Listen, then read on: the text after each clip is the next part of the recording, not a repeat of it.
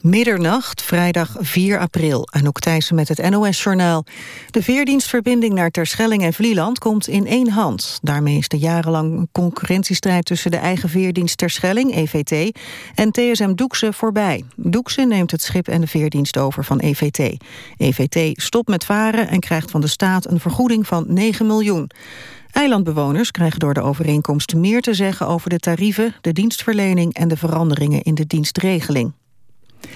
De militair die gisteren op legerbasis Fort Hood in Texas drie mensen en zichzelf doodschoot, had psychische problemen. Waarschijnlijk is dat mede de oorzaak geweest van de schietpartij, zegt een officier van het Amerikaanse leger. De 34-jarige schutter Ivan Lopez kwam oorspronkelijk uit Puerto Rico. Er zijn geen aanwijzingen dat Lopez specifieke mensen wilde doodschieten. Bij het incident raakten verder 16 mensen gewond. Motorclub No Surrender wil een moordverdachte aanstellen als president van de afdeling in Limburg. Lau Geraerts zou samen met een ander twee mannen hebben doodgeschoten, maar is daarvoor nooit veroordeeld.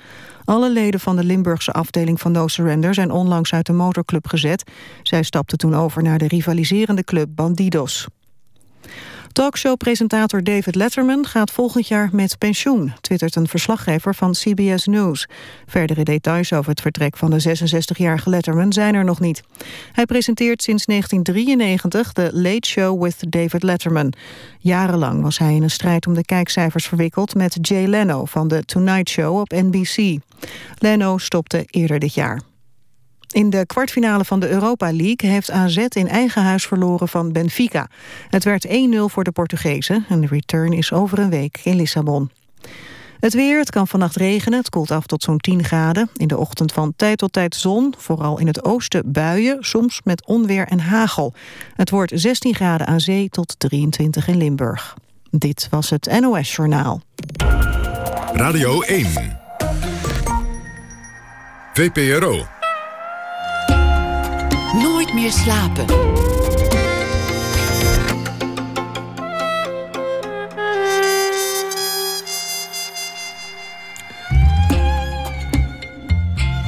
Goedenacht en welkom bij Nooit meer slapen. Mijn naam is Anton de Goede en ik vervang de door griep gevelde Pieter van der Wielen.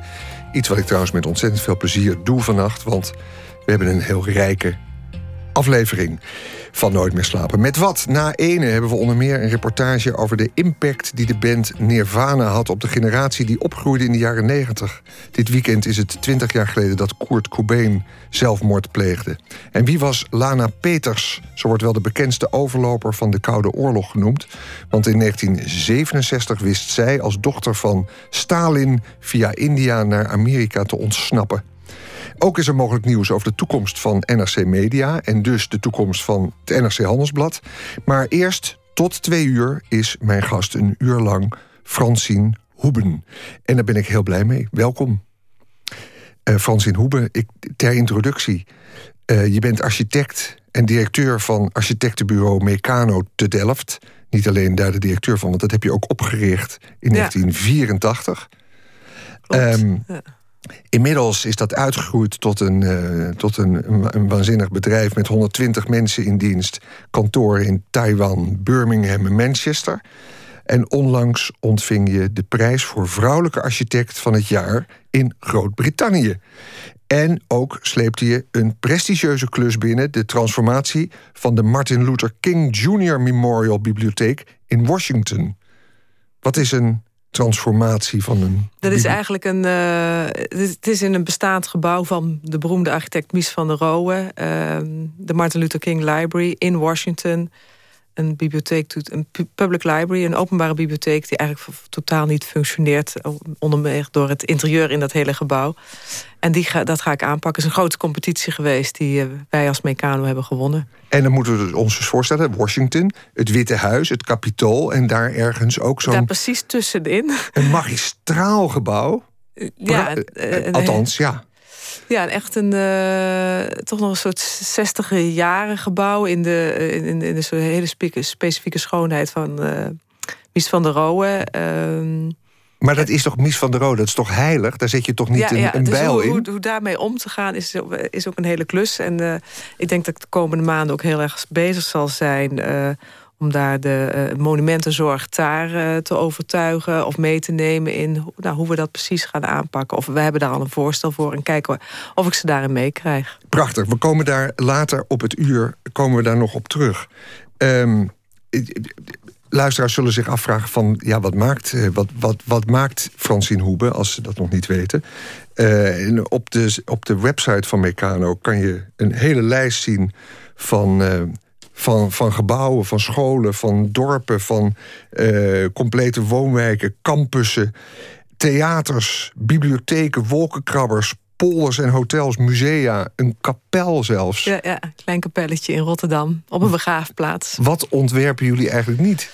Uh, wat ontwerpen we niet? We zitten in ieder geval veel minder in de hele commerciële sector. Uh, dus we, zijn, ja, we zitten toch heel erg in de...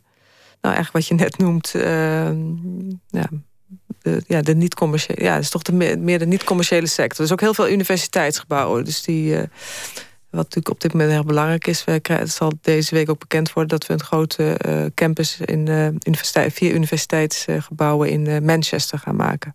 Zal deze week bekend worden, is dus bij deze nu bekend. Ja, maar. Jullie gaan dat goed Iedereen aan. slaapt nu hier nog in Nederland. nou, wij niet hoor. We hebben nieuws. Ja.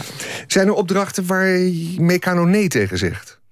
Gewoon van nee, dat moeten we niet doen. Uh, wij proberen wel heel erg uh, te kijken. Nou, kijk, het is geen. Ik zeg altijd: architect zijn is geen autonome kunstbedrijf. Dus je hebt altijd een opdrachtgever. Dus dat moet klikken. Dus je moet ook bij elkaar horen. Je, uh, je moet elkaar inspireren. Maar de, ik zeg ook altijd: to share the same values is heel erg belangrijk. Dus in bepaalde landen zitten wij in ieder geval. en opdrachtgevers, daar zitten, zitten wij minder dominant in dan. Uh, nou, de andere opdrachten. Mm en, we, en, we, willen daar ook, we zijn ook, ik zeg altijd, als architect moet tegelijkertijd visionair zijn als dienstverlenend. En uh, bijvoorbeeld in Nederland vonden wij het heel erg belangrijk om ook een visie te ontwikkelen op de zorg, bijvoorbeeld op de ziekenhuizen, die wij heel erg, nou niet altijd prettige omgevingen vonden. Dus daar zijn we een paar jaar geleden mee begonnen. En nu doen we één ziekenhuis, Saans Medisch Centrum in, in Zaandam. En ook een zorgcentrum in Rotterdam gaan we die doen. Want dat is het grappig dat je daar nu mee komt... terwijl we je eigenlijk associëren met spectaculaire, dure gebouwen. Die, die bibliotheek uh, in Birmingham is ook uh, spectaculair. Ja. Uh, daar heb je die prijs voor gekregen. En waar je nu mee komt is ziekenhuizen, zorg in Nederland? Uh, ja, ik wil heel graag... Hoe schizofreen is dat eigenlijk? Nou, het is helemaal niet schizofreen. Dus wij, wij, wij zeggen, in ieder geval de helft van ons werk is in Nederland... de andere helft is in het buitenland. Uh, wat buitengewoon inspirerend is ook die balans. Het, het inspireert over en weer. Maar nogmaals, omdat ik zeg van ik vind dat je als architect uh, maatschappelijk verbonden moet zijn met de voeten in de klei. En kijken ook wat er nodig is. En het geluk is ook omdat wij die 120, 130 man hebben, hebben wij de mogelijkheid om een hele brede portfolio te hebben. Waarin we letterlijk ook high-end en low-end kunnen doen. Maar ook heel erg ook kunnen investeren in innovatie van, die wij belangrijk vinden voor, de, voor de maatschappij. Waaronder bijvoorbeeld die zorg. Of ook, we zijn ook al een aantal jaren door heel stel mbo- en vmbo-scholen. Omdat dat heel erg belangrijk is om daar een inspirerende omgeving te, maken... voor juist de, de jonge generatie Nederlanders. Mm.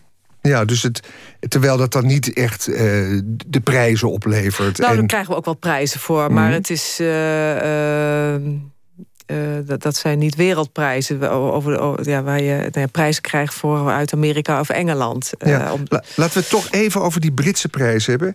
Uh, die, die kwam van het Architects Journal. Riep u uit tot vrouwelijke architect van het jaar. Ja. Ik las in, er is een publicatie waar Jan Tromp je, je uitvoerig hebt ge, heeft geïnterviewd. Ja. En die stelt dan de vraag van... bestaat daar zoiets als vrouwelijke architectuur? En dat, dat, dat, dat, daar wil je eigenlijk liever niet op ingaan. En, en waarom eigenlijk niet? Nou ja, ik zeg, ik, ik, ik, uh, ja, ik ben geboren als vrouw en waar ik heel erg blij mee ben. Ik, heb ook, ik, heb, ik ben ook moeder, zeg ik altijd, ik heb drie kinderen, want misschien is dat nog een groter verschil. En, uh, maar ik wil heel graag architect zijn en een goede architect zijn. Um, en dat kan ik wel beïnvloeden. Dus of, ja, of, ik nou, of het nou vrouwelijk is of niet. Uh, ik denk wel dat ik toch behoorlijk vrouwelijk ben. Maar uh, in, in, mijn ontwerpen. Maar dat laat ik aan anderen over. Dat, uh, of dat nou vrouwelijk is of niet. Ik bedoel dat. Ik, zelf... ik, doe wat ik wil doen.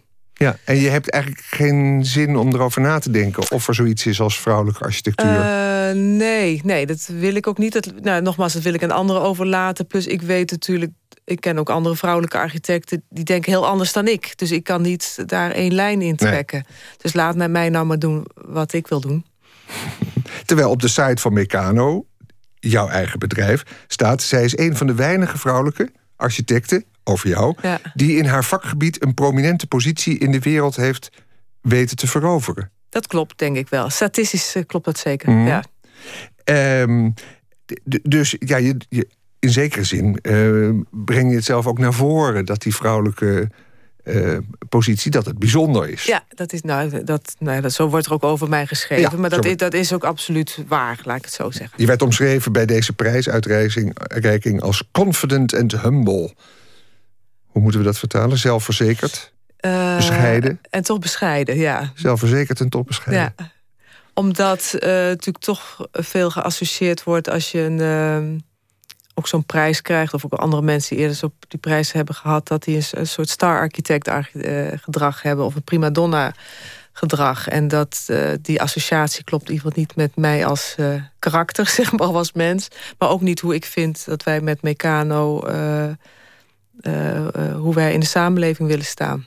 Ja, ja dat klinkt ontzettend inderdaad humble en, en, en toch zelfverzekerd. Want als je die wereld van de architectuur bekijkt, neem bijvoorbeeld iemand als Rem Koolhaas. Is dat nou een, een, een collega met wie je vriendschappelijk omgaat?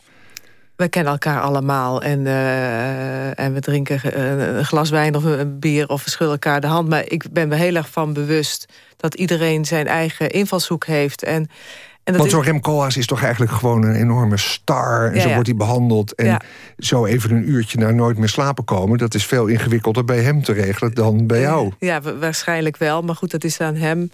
Uh, maar, maar, het leuke is ook dat, dat ik denk... er zijn heel veel verschillende type architecten... en het aan opdrachtgever is aan de opdrachtgever is... aan wie zij voor die opdracht... en wat voor type architect ze zullen kiezen. Het er hoeft ook niet één visie op architectuur te zijn... Uh, uh, wat misschien uh, naoorlogs of misschien in Rusland wel zo was. Maar de, de, rijkdom van vele verschillende attitudes in, in het vak. Zitten we in een tijd dat er heel veel verschillende attitudes en visies op architectuur zijn? Of komt het alleen omdat dat dat maar zo lijkt? Dat we, omdat we er middenin zitten, dat we niet zien dat er een bepaalde school op geld doet? Of... Hoe staat het nou, ik denk dat het nu wel een, een, een rijke tijd is... waarin uh, ook trouwens Nederland veel goede architecten uh, heeft... en in ieder geval ook had, want er, zijn, er is natuurlijk behoorlijk bij ons... in ons door de crisis is de, geloof ik, de architectenstand gehalveerd in Nederland. Ja, want die 120 werknemers die hier genoemd worden... dat waren er misschien wel veel meer. Nee, nee, nee, nee, Wij zijn zelfs, ik durf het bijna niet te zeggen... wij zijn zelfs gegroeid, in, niet dat we op groei uit waren... maar wij zijn gegroeid in deze tijd. Hoe komt dat, waar zo ontzettend veel architecten... Uh, ja, heel veel mensen hebben moeten ontslaan? Uh, ik denk, dat zal per bureau misschien verschillend zijn... maar eigenlijk al om, in ieder geval door mijn eigen persoonlijke... hele brede interesse, die ik al in die 30 jaar... het bureau bestaat dit jaar 30 jaar, heb opgebouwd. Of het nou... Uh, of het nou over woningbouw ging, over stedenbouw, over mobiliteit, over uh, educatie, nu zorg. Dus dat we permanent nieuwe gebieden hebben ontwikkeld waarin wij onze interesse in toonden. Dus daardoor hebben we, staan we eigenlijk met hele brede voeten in, in, in de klei, in de samenleving. Zijn het vooral jonge bureaus die het moeilijk hebben gehad? Mm, ik denk dat die het nu. Nou, ik, nee, ik denk dat het nog eerder misschien de bureaus zijn van, van mijn eigen generatie.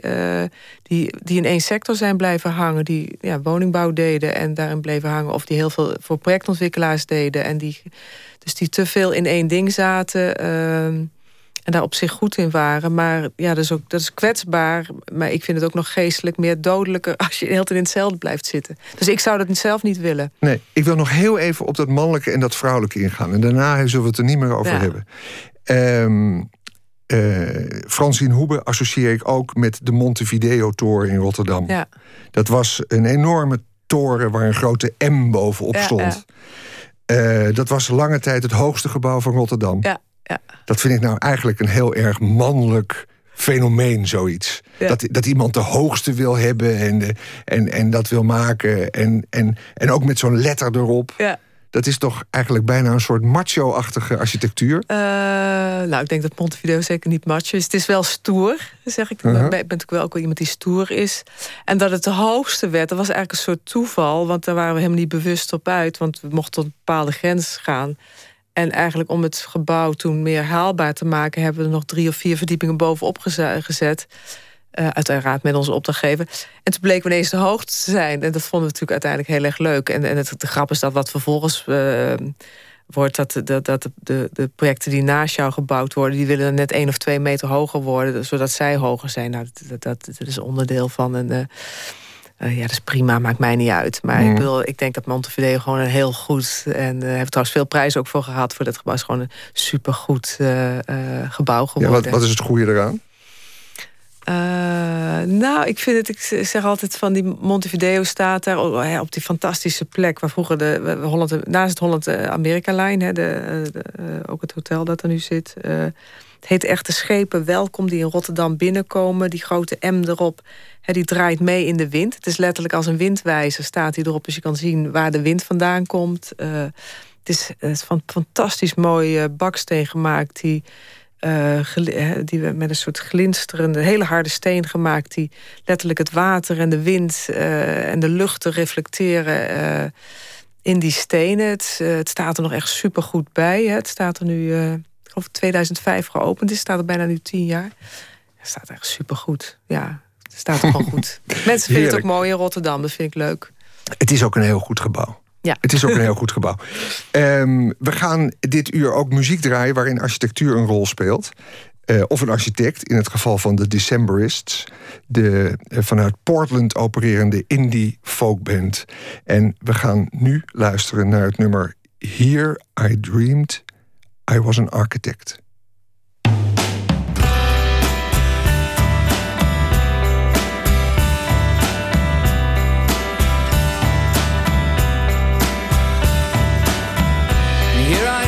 I was a soldier. And I marched the streets of Birkenau. And I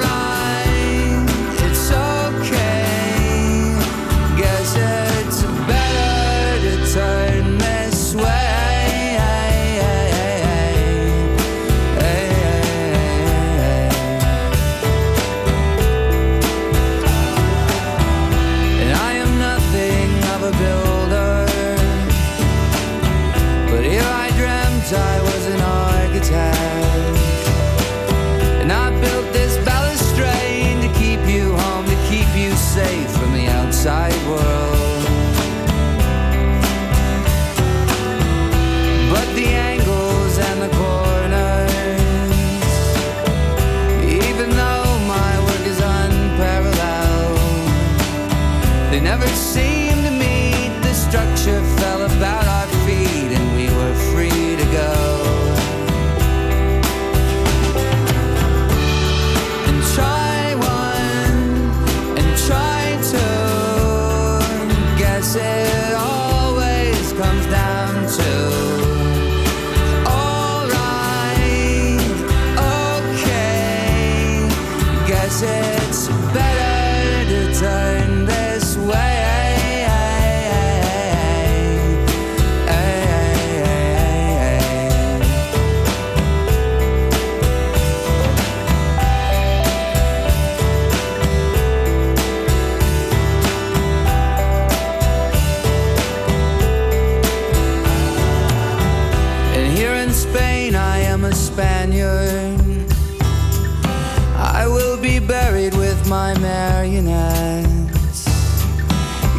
And courtesan, and fallen neath my tender hand when their husbands were not around.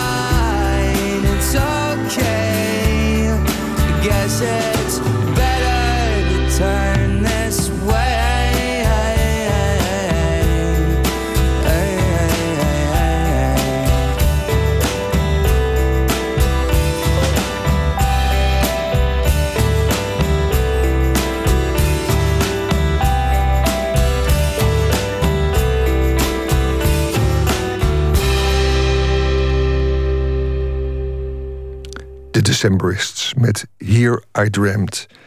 I was an architect. En tegenover mij zit Francine Hoebe, oprichter, creatief directeur van Meccano Architecten in Delft. Confident and humble, om met eh, de jury te spreken uit Engeland die die prijs heeft gegeven. En tijdens de muziek zat je opeens aandachtig naar het plafond van deze studio te kijken. Waar keek je nou naar als architect? Oh, ik zit te kijken hoe jullie hier de akoestiek hebben opgelost. En, uh, de akoestiek opgelost? Nou ja, hier met al die dingen op de wanden. Ja, met een soort. Wat, hoe ziet en ik zat ook naar de klok te kijken. De klok. De, nee, ik dacht, want je zit natuurlijk uh, kritisch te kijken naar patronen in een soort behang wat hier oh, ja, dat, zit. dat zijn akoestische panelen, ja. Daar zit ik inderdaad naar te kijken. En dat zit bij, bij, de, bij de technische jongens ook zo, ja. En bevalt het je? Of ja, denk je van, dat had anders gemoeten? Nou, ik denk de ventilatie had wat beter gekund. Dat is, uh, Want het is hier toch uh, vrij heet, inderdaad? Uh, ja, mensen vergissen zich vaak, of heel veel architecten vergissen zich vaak in dat akoestiek en ventilatie ontzettend belangrijk is om je prettig te voelen in een gebouw. Want het is een goeie, want wij zitten in een gebouw van MVRDV, ja. uh, collega's. Ja. Villa VPRO, dat Ja. enorm hot was toen het werd opgeleverd in Ja. 2001. Ja. En akoestisch was het een ramp, eerlijk Ja, gezegd. ja. Het is nu een prachtig gebouw en het is heerlijk om er te werken. Is, Maar- Wat is de akoestiek nu aangepakt? Ja, die is enorm aangepakt door allerlei eh, schuimrubber eh, staven neer te hangen en dingen te bekleden. En je stoot in het begin ook overal je kop. En daar zijn nu kussens aangebracht. Ja, ja. Ze is enorm aangesleuteld. Ja, ja, dat is natuurlijk een van hun eh, eerste werken. Nathalie de Vries trouwens van MVRDV, die komt van Meccano. dus, Juist, dus het ken een soort, soort leerling van je, zou dat kunnen zeggen? Eh, nou, niet, niet Winnie Maas en Jacob de Vries. Die komen meer van OMA, eh, van het bureau van Rem Koolhaas. En Nathalie komt van Meccano. Maar op zich zie je dat veel architecten, eh, zeker ook nog jonge architecten... zeg maar eerder haast bijna photoshoppend de wereld maken. Hun gebouwen ontwerpen, terwijl eh, nou ja, gewoon letterlijk eh, hoe, ze- hoe je je voelt in een gebouw. Hoe is de akoestiek, hoe is de ventilatie, hoe is het daglicht... eh, Er bestaat natuurlijk eigenlijk ook een soort vooroordeel tegen architecten... dat architecten daar heel vaak juist geen oog voor hebben. Ja, ja, dat klopt. Dat vind ik ook. Trouwens speelt dat ook heel erg in het gebouw van Mies van der Rohe... wat wij in Washington moeten doen... waarin echt dit soort dingen totaal niet kloppen. Dat klopt. Mhm. Dus ik zeg ook altijd mensen van mijn eigen bureau... en ik heb ook heel veel jonge architecten op het bureau... Van, eh, is dat ze ah, ah, van die computer weg moeten gaan... en alle gebouwen, eh, niet alleen van soort beeldjes... die door mooie fotografen zijn gemaakt... eh, op het internet bekijken, maar ga er kijken, ga het eh, voelen... Ga de, nou, ja, eh, architectuur is voor mij iets heel zintuigelijks. Dus het gaat over beeld, akoestiek, over geluid. Het gaat voor mij zelfs over geuren. Ehm, dus het is heel erg het ervaren van gebouwen... wat voor mij heel erg belangrijk is. Hoe kan architectuur over geuren gaan? Nou, dat komt ook... eh, eh, ja, soms kan iets ook lekker naar hout eh, ruiken. Maar het geeft ook te maken dat... Ik zie architectuur ook...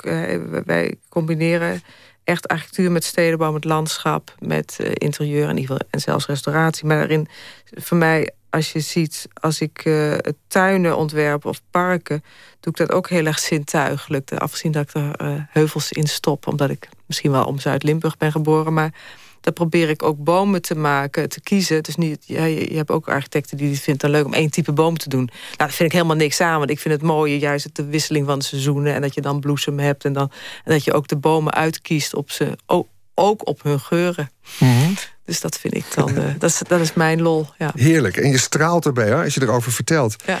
Ehm, die bibliotheek van Birmingham waar we het over hadden. Trouwens, Birmingham, de tweede grote stad van het Verenigd Koninkrijk. Rotterdam, de tweede grote stad van Nederland. Je hebt wel eens gezegd, jullie zijn vooral goed in tweede grote steden.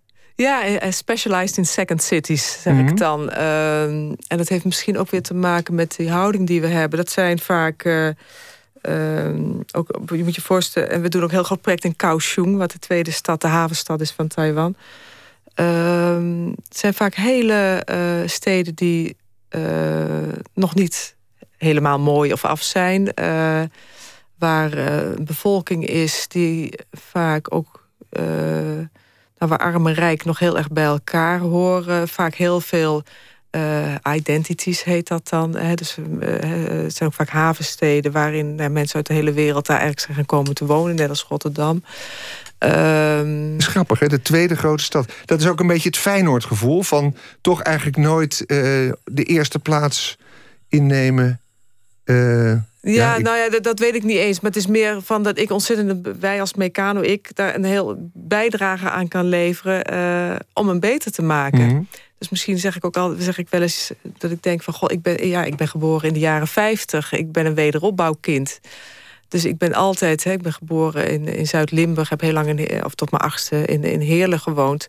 Dat was letterlijk, wij spreken, de snelst groeiende stad van Nederland op dat moment. Dus altijd het, het willen bouwen, het beter maken en uh, daar een bijdrage aan geven, er echt toe doen. Was er een moment waarop je dacht, ik wil architect worden ooit? Ik, ik zeg altijd, ik kan me nog precies de seconde herinneren dat ik dat bedacht. Is dat uh, ik ben de vierde van vijf kinderen. En ik had twee oudere broers die studeerden in Delft. En uh, mijn broer net boven mij, Peer, die nam mij mee naar. Die studeerde bouwkunde. hij is anderhalf jaar ouder. die nam me mee naar het gebouw voor bouwkunde. En ik zie me nog de maquettehal binnenstappen. En en die seconde, dit, kan ik me nog herinneren. En ik dacht van, dit wil ik. En ik kan me ook nog herinneren, ook nog dat hij toen liep hij met mij nou, door de maquettehal. En dan zaten we in een soort hal. Zag je een bepaald beeld of zag je. Ik denk dat het een hele sfeer was. Gewoon de, uh, die maquettehal, dat is het gebouw trouwens wat nu wat afgebrand is een aantal jaren geleden. Maar het was een twee verdiepingen hoge ruimte. Dat was toen trouwens nog vrij nieuw, want dat was, uh, ik ben in, in 74 gaan studeren. Ik denk dat dat gebouw ik moet eens opzoeken, misschien in 72 was opgeleverd. Won ook niet echt de schoonheidsprijs daar, die gebouwen, toch? Als ik denk aan eh, Delft en aan...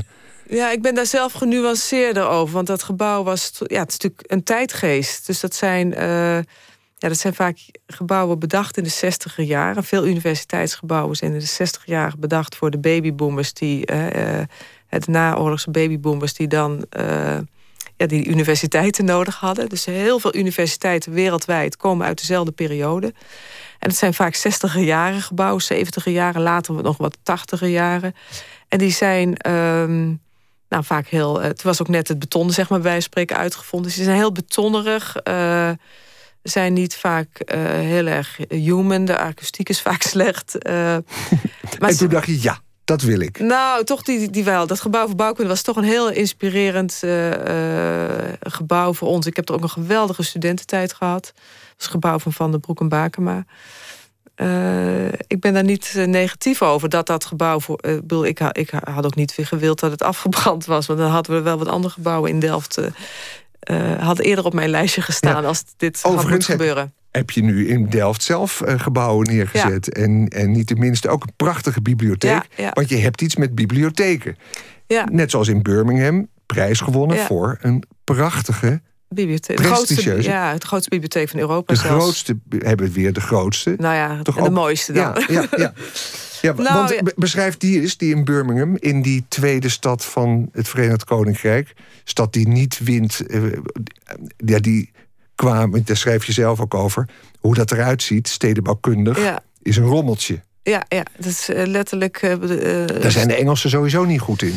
Nee, er zijn, ze zijn niet goed in stedenbouw. Dus we, we hebben ook een added value als we daar werken, omdat we ook stedenbouwkundig denken. Maar een stad als Birmingham moet je je voorstellen, uh, ook als je naar oude foto's kijkt, is fascinerend. Dus dat is een hele, hele, vroeger hele, het was misschien wel bijna de belangrijkste stad van de wereld. Daar komen alle uitvindingen van, vandaan uit Birmingham. Industriële revolutie, waanzinnig rijke traditie. Ehm, je kan zien dat je de periode hebt van de Tweede Wereldoorlog, waar daar heel veel gebombardeerd is. Uh, eigenlijk vergelijkbaar als in Rotterdam. Maar dat is, er is veel in, in mm. Birmingham gebombardeerd. En dan krijg je ineens de, uh, de 60 70 80 jaren... die toeslaan in, uh, qua stedenbouwfilosofie. In, er komt ineens snelwegen door die binnenstad. Wordt die, al die prachtige oude red bricks hadden ze veel. red en blue bricks gebouwen met heel veel decoratie worden gesloomd. De, de, oude fabrieken in de stad die heel dicht tegen het centrum lagen... werden gesloopt. Want dan moest de moderne tijd gebouwd worden... Um, en vervolgens komt Birmingham ook in het verval na die industriële revolutie. Uh, wat moet er dan gebeuren? Dus dan uh, veel werkloosheid. Je hebt heel veel, vind ik, toch depressieve steden. Had je in de, zeker in de jaren zeventig in, in Engeland. Mm -hmm. En dan wordt daar weer in geïnvesteerd. Uh, komt er grote congrescentra in, midden in de stad, midden in het centrum van de stad interessant is dat Birmingham ligt ook echt letterlijk in het zwaartepunt uh, fysiek van, uh, van Engeland. Dus alle spoorlijnen komen daar. Dus op zich is het een hele goede stad voor. Uh, met het prachtig landschap eromheen trouwens. voor conferenties. De grote conferenties van politieke partijen zijn bijna altijd in Birmingham. Ja, wat wij een beetje met de jaarbeurs in Utrecht hebben. Ja. En, maar, en wat heb je daar nou neergezet? Want het is ja, hoe kan ik het beschrijven? Ik, ik, ik, ben er nooit geweest, maar ik wil er heel graag heen. Want dit is Ja, dit je is, moet dit ook is prachtig. Het is, is ook mooi geworden. Dus ik, ja. ik, ik zei altijd, uh, toen wij ook uh, de selectie ik wil een People's Palace maken. Een People's Palace. En leg uit wat we zien. En hoe je het ja, wat opgebouwd zie je? hebt. eigenlijk, het is nog spectaculairder van binnen. Maar eigenlijk is het een gebouw... ja, de vorm kan ik niet precies omschrijven. Maar het, het, het stap terug. Het is zodanig opgebouwd dat ik...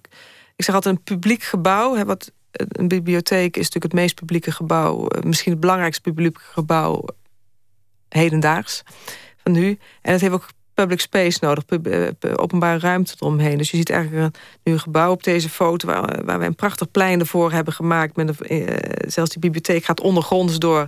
met een, een verdiept plein in de grond... waar allemaal mensen uh, zijn en ook activiteiten kunnen doen.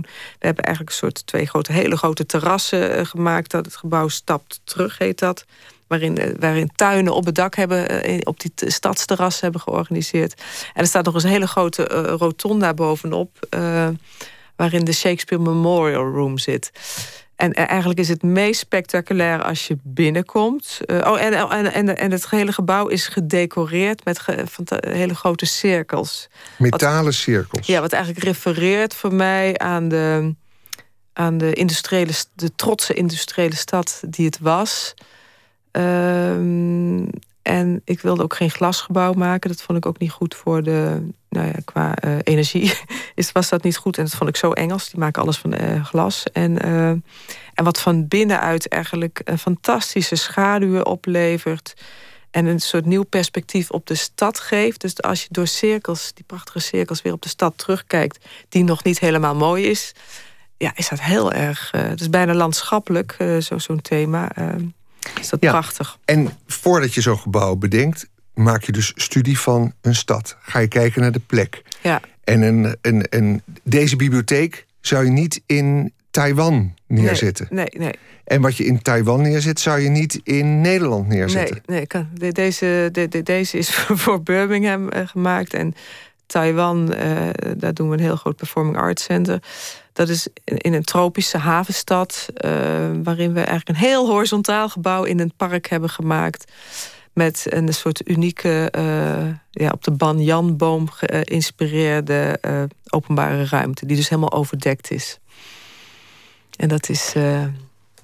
ja, zijn totaal anders. En soms snappen mensen dat niet, dat ons werk elke keer totaal anders is. Maar we kijken elke keer van wat is er. Hè? Elk gebouw moet aarden, moet letterlijk op die, voor die plek gemaakt zijn. Ik heb wel eens gehoord dat architecten in, eh, in, in hun eigen land vaak de minder goede gebouwen zitten... en in het buitenland dan gloreren? Oh, ja, dat weet ik niet. Even voor ons, wij doen, wij, uh, wij doen ons best overal. Ah, overal, ja. nou, en er staan dus prachtige gebouwen... waaronder dat uh, Montevideo, dat, dat, dat van jullie komt in Nederland. Er staat heel veel in Nederland. Is het, is het 50-50? Ik denk op dit moment financieel gezien, of nou ja, weet ik niet, maar het gaat zal het zo 50-50 zijn. Omdat sommige mensen denken van ja, het gaat met jullie goed omdat al jullie werk in het buitenland is. Dat is niet waar. Wij zitten ook voor de helft echt in Nederland. Misschien is het nu 40%, ik weet het niet, maar het is ongeveer 50-50. We gaan weer even naar muziek luisteren, waarin architectuur een rol speelt. David Byrne kennen we natuurlijk als de voorman van de Talking Heads. Ben je daar een fan van? Talking Heads? Of is het muziek, zeg je niks? Jawel, die ken ik wel degelijk. Ik, wil, ja, ik ben er een, nou ja, ik ben van andere dingen nog veel meer fan, laat ik het zo zeggen. nou ja, eh, die David Byrne is later een solo carrière begonnen. De man is veelzijdig, want naast muzikant is hij ook fotograaf, beeldend kunstenaar, regisseur, producer. En hij schreef een boek over fietsen en heel veel meer. Kortom, we hebben het hier over een uomo universale. Iemand die kennis heeft op heel veel gebieden. Zoals een architect dat eigenlijk ook moet zijn. Is dat zo? Moet een architect? Ja, ja vind ik wel. Moet een allrounder zijn. Ja, in ieder geval dat wil ik zijn, ja. Um, hij schreef er ook een, uh, een lied over, David Byrne, hier te horen met Glass and Concrete and Stone.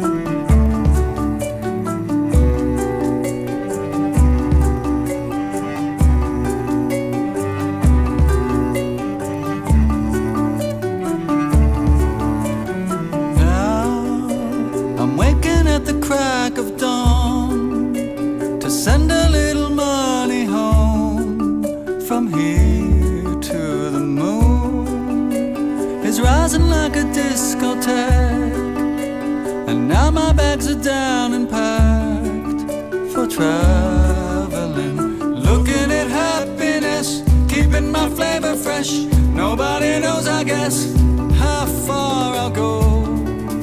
I know, so I'm leaving at six o'clock.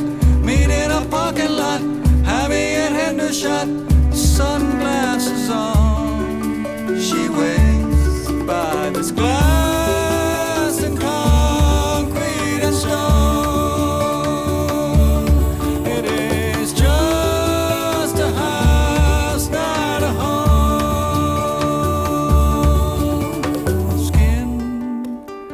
covers me from head to toe, except a couple tiny holes.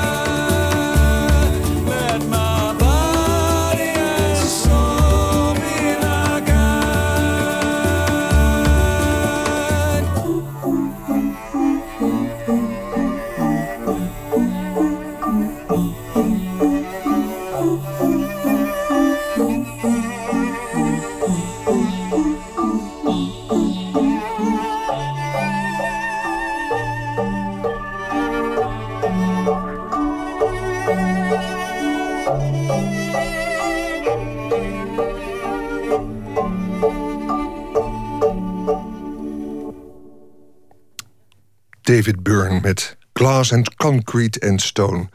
Nummer uit 2010. En ik praat dit uur met Francine Hoeben, oprichter en creatief directeur van Meccano Architecten in Delft. En ik wil het zo graag hebben over de architectuur nu, in 2014. Echt gewoon zoals die er nu voor staat. En wat we horen is, er gaan allerlei grote projecten niet door. Het lijkt erop dat Nederland niet zit te wachten op grote bouwprojecten. Bij de gemeenteraadsverkiezingen op 19 maart verloren bijna alle partijen die voor de bouw van dure nieuwe gebouwen waren. Laten we luisteren naar een fragment. Kiezers hebben partijen die enorme prestigeprojecten in een stad wilden bouwen keihard afgestraft. Leefbaar Rotterdam is de grote overwinnaar in Rotterdam. Juist die partij en de andere winnaar, D66, stemden tot ontsteltenis van de PvdA tegen de bouw van een nieuw Feyenoordstadion. In Den Haag verschrompelde de PvdA. Ze wilden een peperduur cultuurpaleis erdoor drukken. De voorstanders hebben nu waarschijnlijk net geen meerderheid meer. En het consortium van bouwers loopt nu een opdracht mis van 180 miljoen euro. Ja, dit was een fragmentje van Telegraaf Televisie. Hm. Bestaat ook. Francine Hoeber. Herken jij dat beeld dat Nederland voorzichtig is geworden met miljoenen projecten? Uh, ja, dat, dat herken ik. Uh, dat is natuurlijk ook een, uh, een, soort reactie op misschien wat daarvoor is gebeurd. Dat er is natuurlijk toch een tijdgeest van de jaren daarvoor. Dat, dat is al, zeg maar, de, eerder denk ik nu tien jaar geleden, want het is denk ik een paar jaar geleden al gestopt, mhm. dat er misschien ook haast. Dat budgetten per definitie werden overschreden? Dat misschien bij sommige projecten, maar dat er ook veel, uh, gewoon heel veel uh, kantoren zijn gebouwd. die nu leeg staan? Die nu, die nu leeg staan, of dat er oude gebouwen leeg staan. Dus dat is. dus dat, dat kan je niet helemaal vergelijken met de, met de cultuurgebouwen. Dat is natuurlijk een ander verhaal. Maar nou, hoe je dat precies eh, doet, dat, uh, dat, ja. En, tegelijkertijd, maar goed, het is natuurlijk ook deels een politiek verhaal, ook niet meer echt verbonden met de samenleving of iets wel of niet nodig is. Dus de, bijvoorbeeld die bibliotheek in Birmingham, wat ook echt een heel groot project was, ook financieel gezien voor de stad. Uh, eh, misschien vind ik ook, als je, zeker als je publieke gebouwen maakt... Hè, dus je moet even uit elkaar houden wat commerciële gebouwen zijn...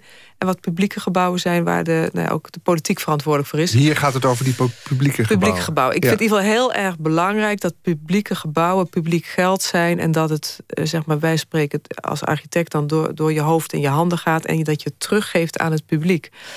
Dus dat het publiek er ook van geniet van uh, bijvoorbeeld een bibliotheek. Ik zeg altijd, uh, vaak staan die op cultuurbudgetten. Maar ik vind eigenlijk ook dat ze op economische budgetten moeten staan. Omdat een, de, nieuwe bibliotheek he, met nieuw, al zijn nieuwe functies... eigenlijk een enorme economische investering is... in de ontwikkeling van je lokale bevolking. Mm. Wat, wat, is eigenlijk de functie van de bibliotheek? Want je hebt er meerdere ontworpen en nu dus de grootste van Europa. Ja. Terwijl iedereen denkt van ja, bibliotheken die kunnen eerdaags de deuren sluiten. Laten, laten ze er maar Apple stores bouwen, want boeken worden er niet meer ja, Maar een bibliotheek, dat is een heel ouderwets beeld wat je schetst. Dat is, uh, dat is het beeld uit bijna uit. je kan eigenlijk zien dat de bibliotheken zich uh, afzien dat je trouwens een verschil moet maken tussen universiteitsbibliotheken en public libraries, mm openbare bibliotheken. Laat ik nu even over de openbare bibliotheken spreken. Want dat is in Birmingham ook een openbare, openbare bibliotheek. In combinatie met het stadsarchief ook. Hè. Dus daarom is het ook zo groot. Is een combinatie met het stadsarchief. Uh, en wat is er ouderwets aan als ik zeg... Uh, ja. Een bibliotheek gaat niet over uh, boeken. boeken. Een, een, bibliotheek gaat eigenlijk over mensen... en hoe die kennis tot zich nemen... maar ook zelf kennis produceren weer daar. En eigenlijk ook weer mensen ontmoeten. En of ze dat nou uh, via boeken doen of digitaal... of door, door geïnspireerd te raken door met andere mensen te spreken... of online te gaan, dat doet er niet toe. Het gaat over het doel van bibliotheken is... Uh, daar, daar, maar het is natuurlijk een mooi woord, bibliotheek. Hè, biblio is natuurlijk boek... Uh, misschien moeten ze anders een, een ander woord voor uitvinden... maar eigenlijk is bibliotheek zo'n mooi woord, zonder om weg te gooien. Maar, maar daar in Birmingham zijn niet het is de grootste bibliotheek van Europa, maar ze hebben daar helemaal niet heel veel boeken. Jawel, uh, daarom zeg ik, dat is ook nog eens per stad en land verschillend hoeveel boeken er zijn. Dus Birmingham en Engeland is, natuurlijk, is ook een traditionele land, is ook meer een verbaal land dan bijvoorbeeld uh, dan Nederland.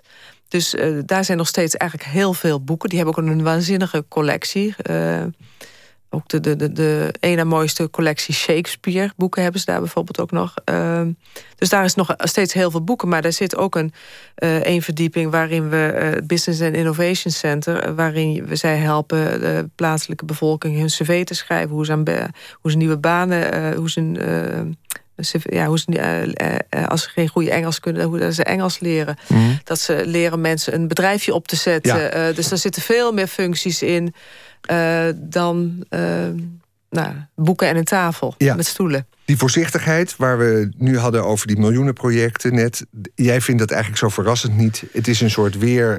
Het is een soort bezinning op misschien te veel bouwen ooit. En... Nou ja, en ook een beetje een soort wantrouwen erin. Dus daarom zeg ik ook weer dat iedereen even moet kijken... waarvoor is het nu? Want sommige dingen zijn super noodzakelijk dat ze moeten gebeuren. En bijvoorbeeld zeker de, de, de vernieuwde bibliotheken die afgewezen worden...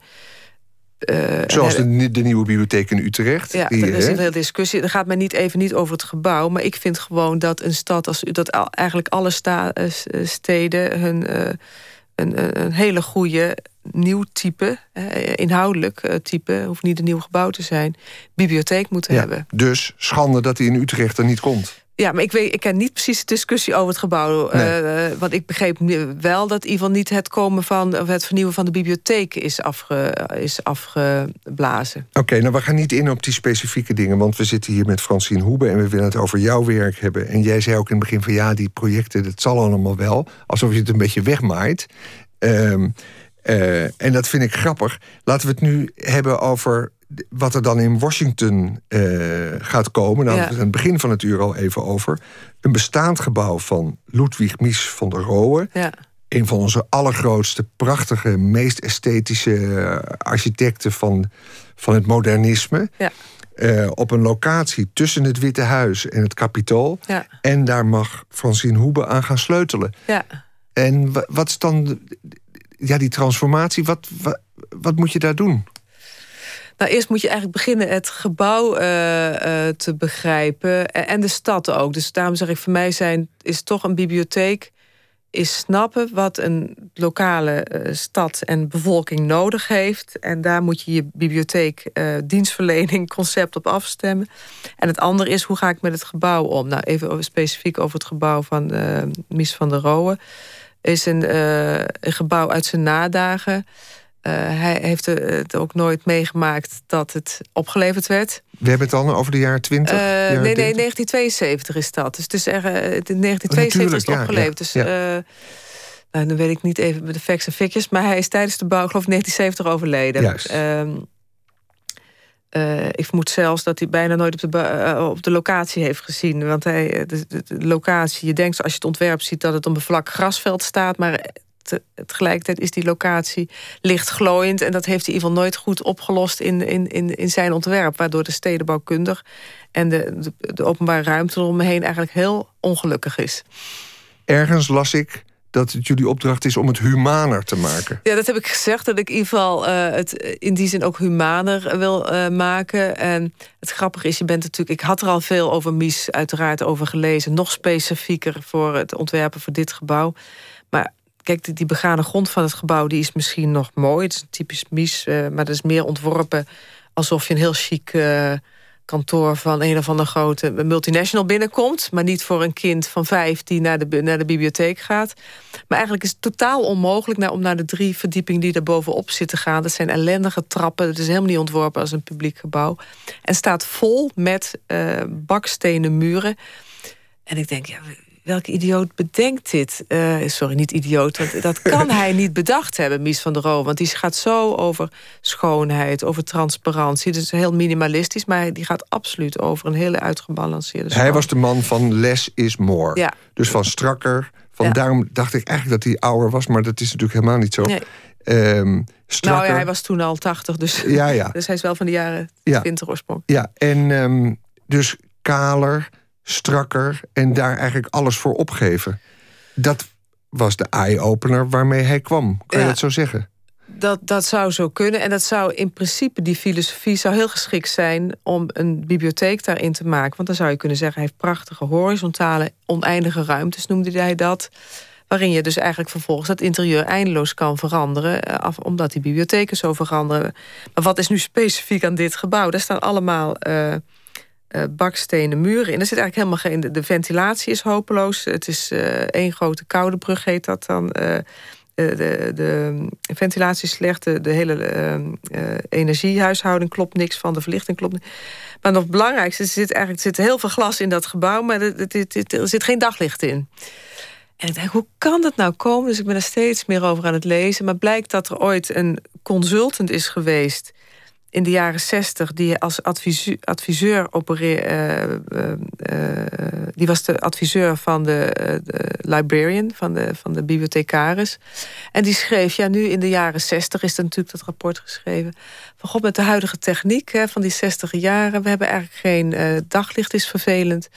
we hebben tegenwoordig airconditioning, we hebben TL-buizen uitgevonden we hebben eigenlijk helemaal dat allemaal niet meer nodig. Dus die, al die verdiepingen daarbovenop, daar zit gewoon is, is één grote ellende van. De, van, van uh, nee, ja, maar dat is toch ook wel weer leuk. Ik herinner me dat Rem Koolhaas, die bedacht de kunsthal in Rotterdam, ja. jou bekend, en daar is een directeurskamer, geen daglicht. Ja. En hij zei van ja, maar die man die, hoeft ook, die moet niet uit het raam gaan zitten kijken. Die moet gewoon hard aan het werk. Dat is ook een mooi verhaal verzinnen bij wat je, uh, wat je moet corrigeren. Maar, uh, ja, nou ja, is, is maar, dat, goed. maar goed, dit zou dan voor drie verdiepingen in een gebouw gelden in dit geval. Oké. Ja, en, en, en, nog komischer is het dat dus aan de randen zit dus wel veel glas. En daar staan alle boeken. Nou, één ding kan ik je vertellen, eh, vertellen. Boeken hebben juist geen daglicht nodig. Dat wil je zelfs niet, want dan dus al dat UV-licht is slecht voor boeken. En de mensen zitten allemaal in het donker weer achter die stenen muren. Dus het is zo komisch. Het is een krankzinnig gebouw. En, um, dus het, is, het moet opgeknapt worden. En is dat nou iets wat ik iemand hoorde uitleggen... Uh, die zei, ja, we hebben dat modernisme... dat heeft jarenlang natuurlijk een soort terreur uitgeoefend... Uh, en alles werd eraan opgeofferd. En we zitten nu in een periode, in, in, in, in, in deze jaren waarin er een correctie optreedt en waarin die correctie zelfs doorslaat. Want de architectuur is nu heel vaak veel te pompeus en met krullen en alles mag en niks is gek genoeg. Uh, waardoor we eigenlijk ook weer niet goed omgaan met de traditie. Dus lange tijd heeft het modernisme geregeerd.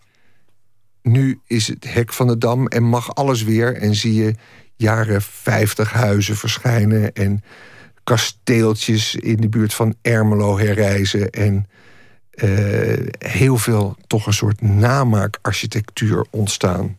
Deel je die mening? Uh, nou, ik ben er zelf veel genuanceerder in. Uh, deels ben ik heel erg blij dat er verschillende stromingen zijn... waaruit mensen kunnen kiezen. Wat, want dat is, dat is ook de rijkdom van een stad. ik ben me wel heel erg van bewust dat de uh, de, de, stroming uh, waarmee ik ook ben opgegroeid... dat je bijvoorbeeld geen decoratie mag maken. Dat het alles moest functioneel zijn.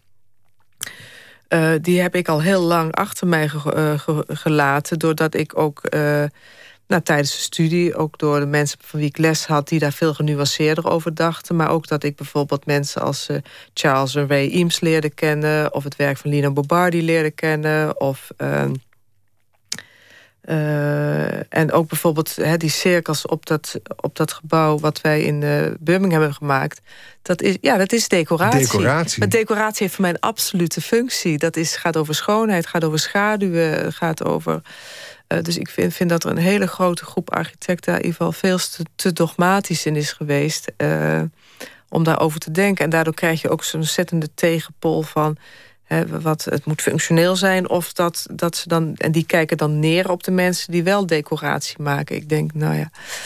Uh, ik vind daar heel dogmatisch over Maar wanneer is decoratie decoratie en wanneer wordt het eigenlijk nep?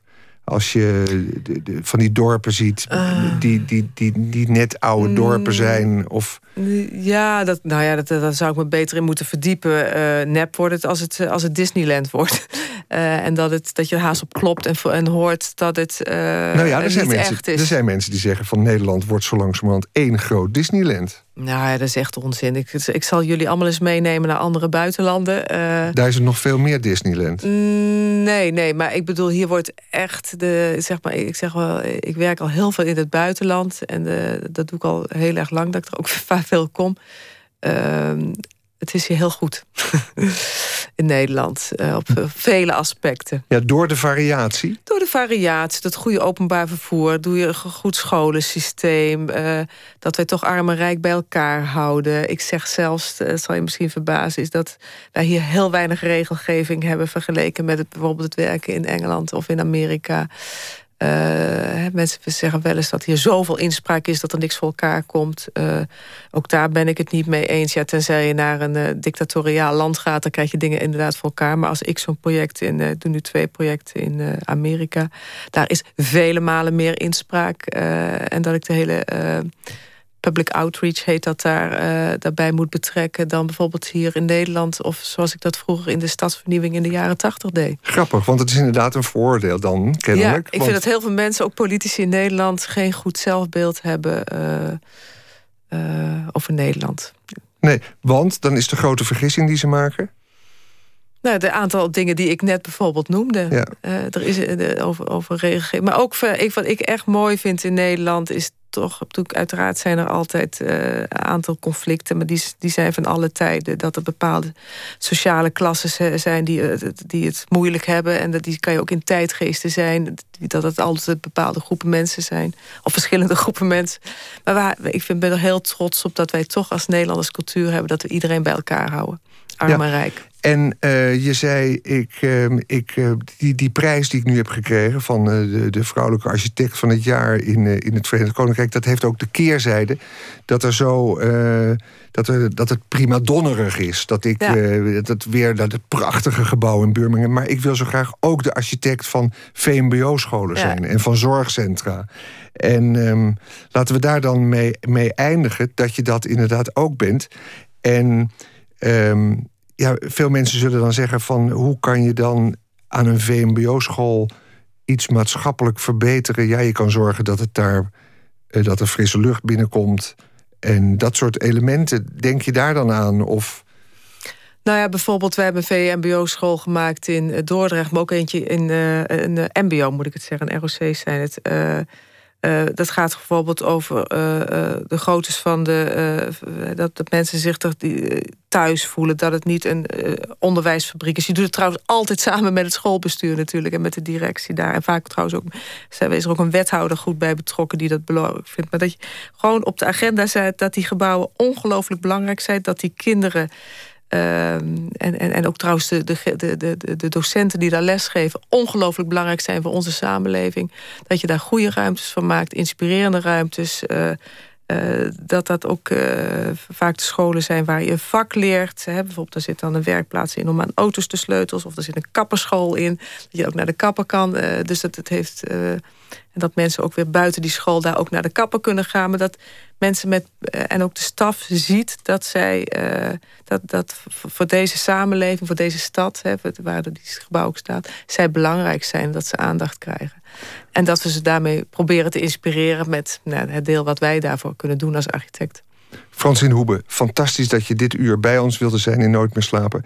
Want het zit er bijna op en we willen eruit gaan na je bedankt te hebben voor je komst en uh, voor je wijze woorden en je enthousiasme. En uh, eigenlijk houden we iets meer van Nederland dan een uur geleden. Ik hoop het. Uh, door, door, je, door je, door je opzwiepende woorden. En ik wil ook heel graag naar Birmingham om dat toch gewoon met eigen ogen te zien. Die opgestapelde dozen daar, de grootste bibliotheek van Europa. We hebben nog een minuutje muziek en dat gaan we laten horen. dat is de Posies met Accidental Architecture. En dan straks, na het nieuws, zijn we hier weer terug met een ander uur nooit meer slapen. Tot dadelijk na het nieuws.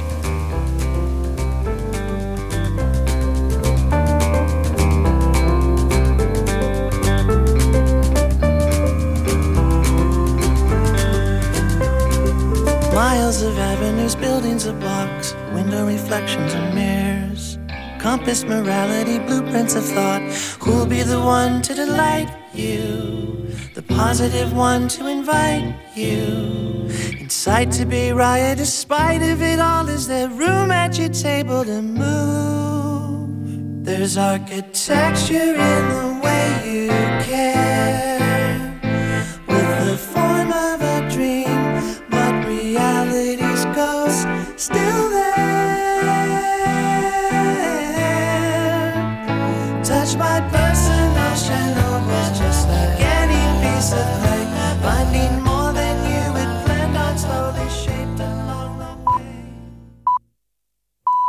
1 uur, en ook Thijssen met het NOS-journaal.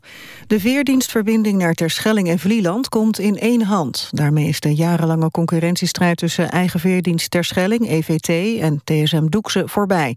Doekse neemt de veerdienst over van EVT en EVT krijgt van de staat een vergoeding van 9 miljoen. Eilandbewoners krijgen door de overeenkomst meer te zeggen over de tarieven, de dienstverlening en de veranderingen in de dienstregeling. De fusie tussen het AMC en het VU Medisch Centrum in Amsterdam gaat voorlopig niet door. De autoriteit Consument en Markt gaat niet akkoord met de samenvoeging. Het VUMC is nog te nauw verbonden met de VU, vindt de toezichthouder. Pas als het ziekenhuis een zelfstandig rechtspersoon is, kan er groen licht komen voor een fusie.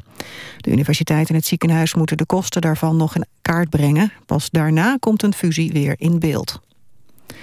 Talkshow-presentator David Letterman gaat volgend jaar met pensioen. Hij kondigde dat vandaag aan tijdens de opname van zijn programma The Late Show with David Letterman. Letterman kreeg veel grote sterren en politieke kopstukken in zijn uitzending, onder wie ook de Amerikaanse president Barack Obama. Via Twitter liet Obama weten dat Letterman zal worden gemist. David Letterman presenteert sinds 1993 zijn talkshow. Jarenlang was hij in een strijd om de kijkcijfers verwikkeld met Jay Leno van The Tonight Show op NBC. Leno stopte eerder dit jaar. De A67 bij Geldrop is nog gedeeltelijk afgesloten... om de ravage op te ruimen die afgelopen dag... door een ernstig ongeluk met twee vrachtwagens is veroorzaakt. Rijkswaterstaat hoopt dat het verkeer vanuit Venlo... in de richting van Eindhoven rond twee uur weer gebruik kan maken van de A67. Het verkeer in de tegenovergestelde richting wordt over de vluchtstrook geleid. Wegwerkers zijn nog bezig met de reparatie van onder meer de vangrail en het asfalt. Het weer, het kan regenen, het koelt af tot zo'n 10 graden. In de ochtend van tijd tot tijd zon, vooral in het oosten buien, soms met onweer en hagel. Het wordt 16 graden aan zee tot 23 in Limburg. Dit was het NOS Journaal. Radio 1. VPRO. Nooit meer slapen.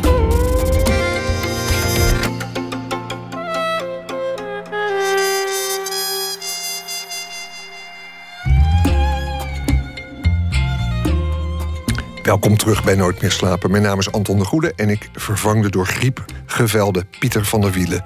Wat brengt ons dit uur? We komen hopelijk meer te weten over hoe de toekomst van NRC Media, de uitgever van onder andere NRC Handelsblad, eruit ziet. En we horen een verhaal over de impact die de band Nirvana had op de generatie die opgroeide in de jaren 90.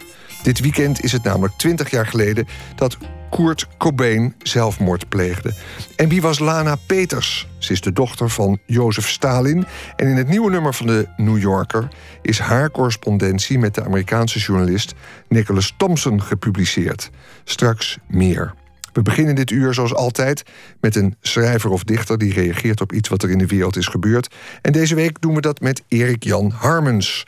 Hij debuteerde in 2003 als dichter, vier jaar later als romancier. En zijn laatste twee publicaties zijn De man die in zijn eentje de Olympische Spelen organiseerde, een roman uit 2012, en de dichtbundel Open Mond, die eind vorig jaar verscheen. Goedenacht, Erik Jan. Goedenacht, Anton. Hoe is het ermee? Uh, vrij goed, ja. Um, zeker ook wel met het schrijven van het verhaal, want ik had vandaag de magische, maar zeer zeldzame ervaring dat je zo'n verhaaltje er even um, in 10 minuten uit jast. Ah. en dat gebeurt bijna nooit. Dus de andere drie episodes waren heel moeilijk. En deze ging er zo in één keer hartstikke uit. Dus ik was heel uh, gelukkig. Wat goed. Gewoon snel opschrijven. Ik weet dat uh, Hugo Brandt Korstius, de onlangs overleden columnist... die zei ook, je moet gewoon niet te lang doen over een column. Je moet hem hop eruit doen. Nou, ik heb dat ook wel eigenlijk een beetje van hem geleerd inderdaad. Uh, maar helaas kan ik het maar zeer zelden toepassen. Dus ik zit toch vaak te, te miepen en te mieren. En ik had bijvoorbeeld ook heel goed... Ik moet ook veel beter luisteren naar uh, Stephen King, de thriller-auteur. Die zegt, het is, veel, het is minstens zo belangrijk om niet te schrijven dan om wel te schrijven. Dus door niet te schrijven denk je na over wat je gaat schrijven. En op het moment dat je er echt klaar voor bent, bent dan ga je typen. Dus, uh, en ik doe het nog veel te vaak verkeerd. Dus dan zit ik in de box, zeg maar. Dan zit ik mezelf helemaal op te vreten. En dat moet ik helemaal niet doen. Dan kan je beter gewoon iets leuks gaan doen. En dan uiteindelijk zoals vandaag in één keer zo in 10 minuten eruit jassen. Dus ik was Heerlijk. echt heel blij. Ik Ja. weet het van Kees Vens en dan houden we op met, naam, eh, met name droppen. Kees Vens die zei, als ik een column moet schrijven... dan eh, ben ik daar soms heel lang mee bezig. Maar in mijn hoofd en dan op een gegeven moment... dan hoef ik hem alleen nog maar te schrijven. Ja. En dan is het in een kwartiertje gebeurd. Dus ja, nou, nee, precies. Afgeleid en denk, oh ja, ik moet de belastingen nog eh, indienen. En ik moet, weet je wel, dus dan komen er allemaal weer ruis op de lijn, zeg maar. En dan ben ik het oorspronkelijke idee kwijt. Maar het, Eer- ehm, het onderwerp voor vandaag was in ieder geval, ehm, want ik, eh, ja, de, deze episodes deze week eh, gaan allemaal over hele grote onderwerpen. Dus ik begon met autisme en toen ging ik naar echtscheiding. En gisteren ging ik naar eh, anorexia opeens. Dus ik ging alle, alle hoeken van, van het spectrum raken. En vandaag las ik over een nieuwe app voor de smartphone die ehm, ehm, behulpzaam zou moeten zijn voor alcoholisten. Oké, we, willen, we willen hem heel graag horen... want onze verwachtingen zijn nu bijzonder hoog gespannen. Ja. En eh, misschien dat we daarna nog even erover Oh ja, over goed, napraten. Ja. Ga je gang. Ja. Hij schepte een visje uit het aquarium en spoelde hem door. Hield een glas onder de kraan, haalde een fles Westmalle trippel uit de koelkast, schonk hem uit, vloekte omdat het bier gelijk doodsloeg, nam toch een enorme slok en toen nog een en toen was het glas leeg. Hij opende een tweede Westmalle trippel, die ook doodsloeg, en met de derde ging hij op zijn balkon zitten. Hij sloot zijn ogen. Een mist trok binnen en eerst zag hij alles om zich heen vervagen in de mist en daarna zag hij alleen nog de mist. Hij begon te rennen zonder zich druk te maken over obstakels waarover hij zou kunnen struikelen of tegenaan zou kunnen lopen. Vergelijk het met een steile helling in het bos waar je s'nachts van af sleet zonder iets te raken. Hij schrok wakker, ging naar binnen en opende een fles wijn van bedenkelijke allure. Na elk glas propte hij de vacu-vin in de flessenhals en pompte hij drie, vier keer tot het rubberdopje zich had klemgezogen. Als hij zijn glas leeg had, drukte hij met duim en wijsvinger aan weerskanten van de stopper, zodat je lucht hoorde ontsnappen. Dan haalde hij de dop weer van de fles om zich bij te schenken. Maar voordat hij een nieuwe slok nam, moest hij eerst weer pompen, drie, vier keer. Wat later lag hij in bed. Hij keek in het donker. De wereld scheen hem helderder toe dan ooit. Hij voelde niets meer. Als er nu een inbreker met een grote hamer zou binnenlopen, zou hij glimlachen en zich schrap zetten. Juist. Ik moet ook gelijk aan de juwelier denken nu opeens. ja, die lag niet in bed. Ja, Erik-Jan Harmens, dit is poëzie ook, hè?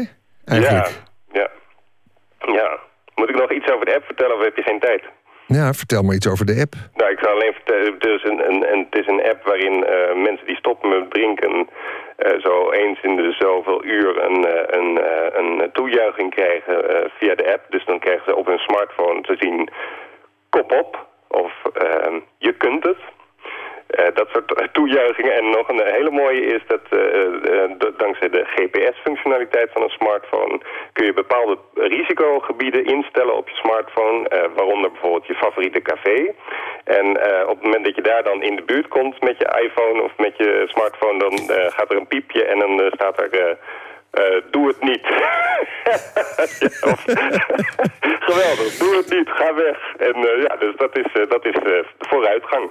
De vooruitgang. En, en, en, die, en die man in jouw verhaal, maar met die pomp, die vacuvin open en dicht.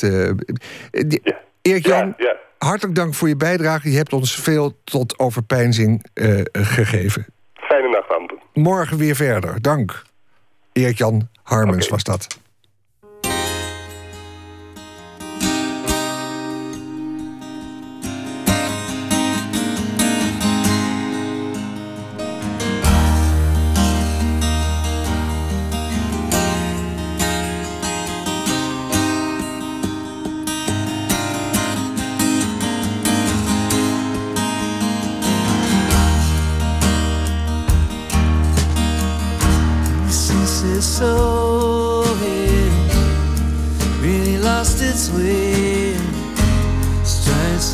To control this emotional marathon.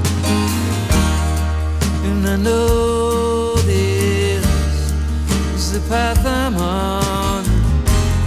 One day I find myself fall, and then it's gone. Cause everything I've ever learned from love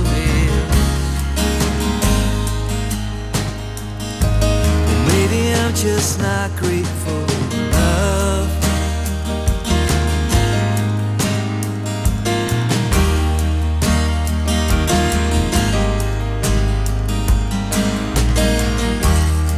My excuse is you can watch them come. I need to follow my music, always number one. You know it, but you stay so strong. You make me feel so hopeful, and then it's gone. Cause everything I've ever learned from love is Or maybe I'm just not hopeful enough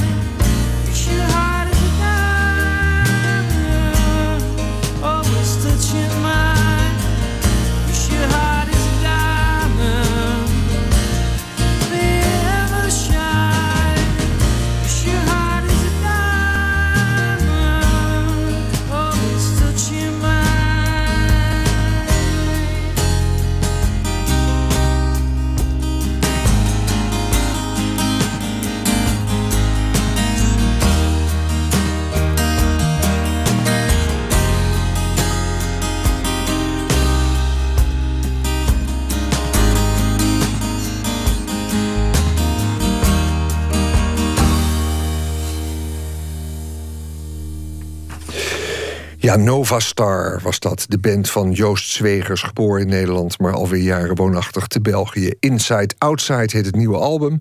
waar we bijna vijf jaar op hebben moeten wachten. En daarvan draaiden we het nummer Kabul.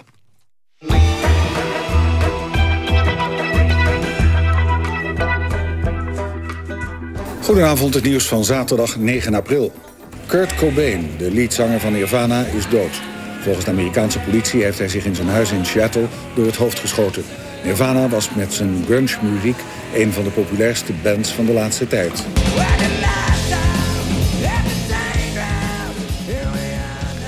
Ja, de babyboomers hadden de Beatles en de Stones. Daarna kwam de punk, de new wave, etc.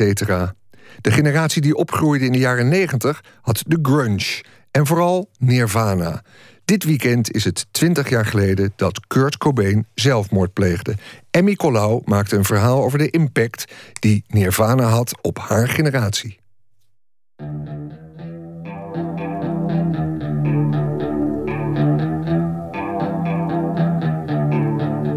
December 1991 in een nieuwbouwwijk in een provinciestad in het zuiden van het land. Ik was sinds een maand na jarenlang zakgeld oppotten de trotse bezitter van een stereotoren met heuse cd-wisselaar. Ik had weliswaar stapels bandjes, maar nog maar één cd, Dangerous, van Michael Jackson. Vond er eigenlijk niet zoveel aan. In de top 40 stonden en dit en misschien nog wel erger dit. Mijn vriendinnen zongen mee met Brian Adams. Mijn vader draaide de Beatles. En mijn moeder had na Adamo haar muzikale ontwikkeling min of meer stopgezet. Oké, er werd nog wel eens UB40 gedraaid tijdens de afwas. Dat was mijn muzikale opvoeding tot zover. En toen belandde Nirvana in de top 40. Kurt Cobain werd gebombardeerd tot de stem van een generatie. Nevermind hoes, het staat gewoon in mijn geheugen gegrift. De Beatles en de Stones, het doet me echt helemaal niks. Ik weet ook niet afgeschoten worden door de helft van Nederland. Maar Nevermind van Nirvana, dat zit hier, dat zit in mijn hart. Als ik hier nu naar kijk, krijg ik nog een cool gevoel.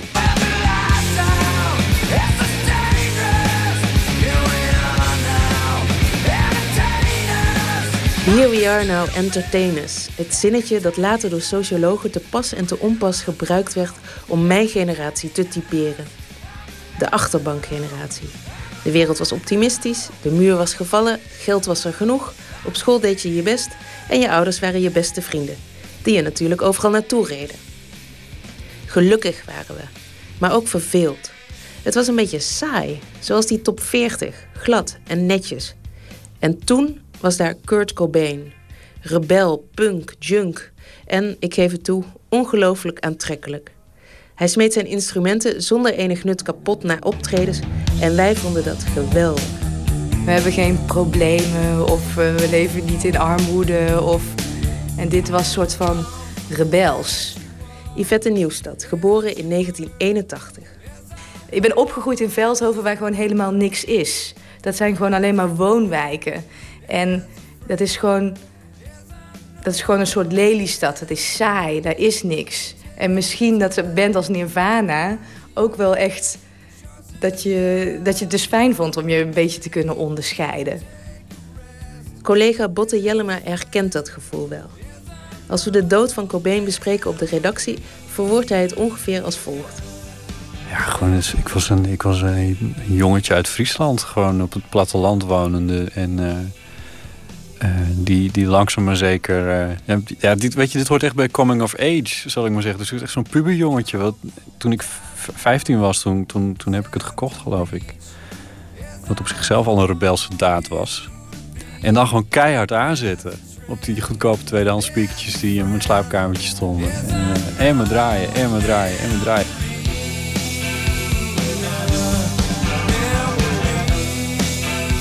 Kwam bij mij, in een hele gekke periode waarin in mijn persoonlijke leven ook heel veel gebeurde. Op alle mogelijke gebieden. Uh, en uh, deze muziek ging er eigenlijk onder zitten. Weet je wel? Die, dat is, dit is het gelul wat ik dus altijd over de Beatles en de Stones hoor. Dit is, dit is erg is dat, hè? Dat ga ik nu dus zeggen, al die dingen.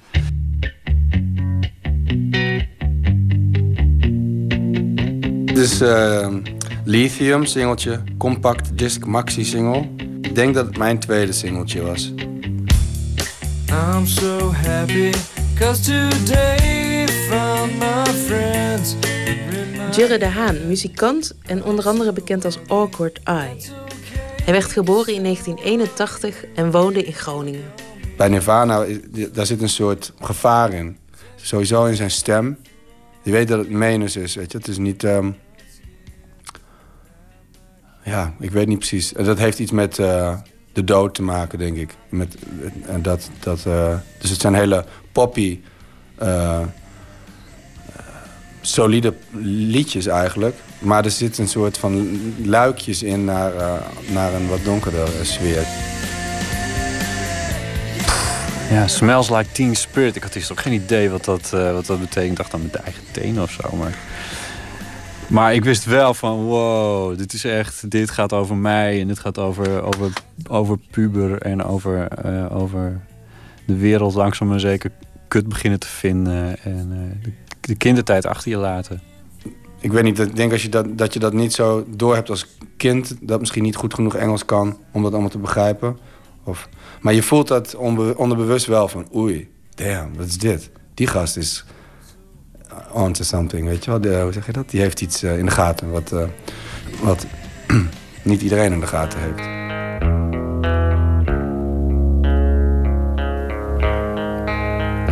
Britta Hosman maakte een film over Nirvana in Nederland.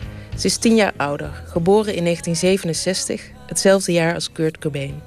Ze vond het eigenlijk wel een mooie tijd.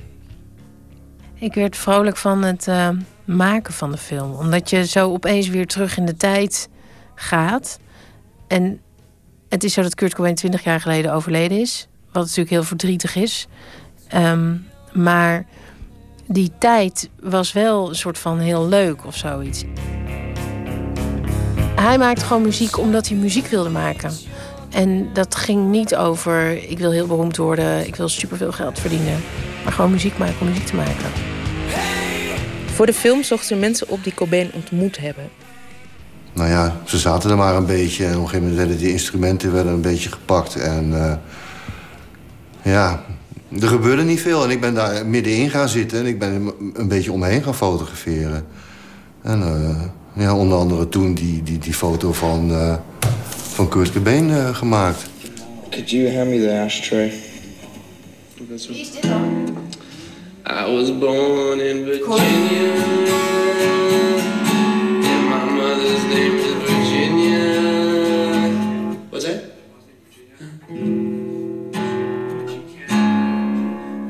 Dat was ook een klein mannetje, een rommelig mannetje.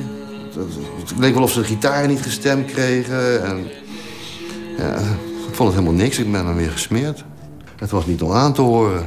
Zo vertelt fotograaf Michel Linsen in de documentaire over Nirvana in Nederland. Kurt die vroeg nog van, kom je naar Paradiso vanavond? En ik denk, nou sorry, maar ik moet naar de Ramones. Naar de Ramones ging hij dus. Er was namelijk wel goede muziek, maar die voelde niet als van ons.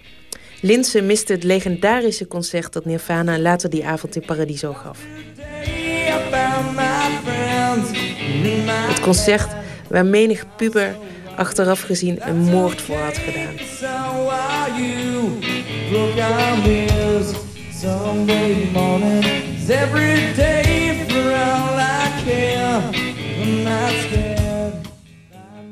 Ze hadden natuurlijk Smells Like Teen Spirit en dat was de, de grote hit. En dat is die muziek, maar dan, als je het hoort, dan herken je het nu ook als een soort massa-hit of zoiets. Toen. En dat gaf ruimte aan dat soort van bandjes. Dus grote platenmaatschappijen roken opeens geld. Dus die gingen dat soort bandjes zoeken en, en proberen te vinden. Nou ja, ik weet niet. Volgens mij is van die generatie vooral Nirvana echt overeind gebleven. Draaien 16-jarigen dat nog steeds. En de rest is nu weer een beetje weg. Kijk, die unplugged sessies van, van Nirvana op MTV... die waren natuurlijk heel toegankelijk. Die heb ik ook, had ik ook op videoband. Heb ik heel vaak uh, geluisterd en bekeken. Maar als je... Je had natuurlijk ook Nevermind en andere cd's. En Bleach heb ik toen ook gekocht. Met terugwerkende kracht, want dat was natuurlijk al jaren uit. En eigenlijk was dat natuurlijk vrij hard. Maar omdat je ook gewoon heel graag wil luisteren en heel graag wil begrijpen, ga je het gewoon ook heel vaak luisteren. En ik denk dat je daardoor wel ook een soort van muzikaal gehoor uh, creëert. En dat je ook uh, ja, gitaarriffs gaat herkennen en en daardoor ook open staat voor andere ruigere muziek... die misschien niet zo mainstream is. Want het is natuurlijk veel makkelijker om met de top 40 mee te lopen... en, en een liedje wat je gewoon één keer hoort en je kan het meezingen. Nou, dat was niet bij Bleach van Nirvana. Um, maar ik denk wel dat het daarom heel erg bepaald heeft... naar wat voor andere muziek ik ben gaan luisteren. En dat je op zoek gaat naar muziek en op zoek naar andere bands. En nu kan het natuurlijk veel makkelijker met YouTube en Spotify. En... Maar toen dan ging je MTV kijken en dan, dan hoopte je dat bepaalde clips voorbij kwamen. Oeh, ja, dat is moeilijk, want waarom is een nummer goed? Ehm, het, is sowieso niet altijd drie akkoorden, wel vaak trouwens natuurlijk niet de meeste. Hè? Het is simpeler dan malen of uh, zoiets. Maar um, omdat het heel erg uitgebeende uh, muziek is, dus er, er, er, er zit weinig overvloedige. Het, wat, ik zag laatst een interview met de Cees Notenboom... en die zei met ideeën dat hij die, als hij ze opschrijft... heel lang laat liggen om het te veel eruit te laten uh, rotten, zei hij. En ik hou daar erg van en dat, herken ik hier ook wel in. En zij waren ook ontzettend uh, ambitieus met repeteren... en uh, ik denk dus ook met liedjes schrijven wel. Dus um, ja, wat er uiteindelijk overblijft lijkt heel simpel... maar ik denk dat het een... Um, ja, zeer uitgekristalliseerde, zeer door, doorvoelde, doorleefde en overwogen constructie is die voortkomt uit een echte, authentieke drift om dat te doen. En dat samen is goud waard. Als je, bedoel, ja, als je namelijk Kurt Cobain slecht hoort zingen, Penny Royalty... Uh, in uh, Unplugged, dat zingt hij echt vreselijk eigenlijk. Ik bedoel, ik weet, als hij kan dat niet terugluisteren als hij dat denk ik. Dan denkt hij, jezus, man, gewoon echt een volle toon die niks, niet in die klonen voorkomt, eronder gewoon. Echt zo. Je denkt, man... um, maar zelfs dan heeft, heeft zijn stem uh, zeggingskracht en wil je wel naar hem luisteren. Terwijl als een matige zanger vals zingt, dan, uh, of slecht zingt, dat wat je heel vaak hoort van die demo's van bands die dan zo van je denkt, ja, dit wordt dus nooit wat. dan, dan is, gewoon, is dat echt het allerverschrikkelijkste om naar te luisteren, laat maar zeggen. En ehm, ja, kortom, als hij iets goeds zingt, ja, dan wordt het echt wereld. Het zijn absoluut leuke nummers om te spelen, ja. Underneath the bridge,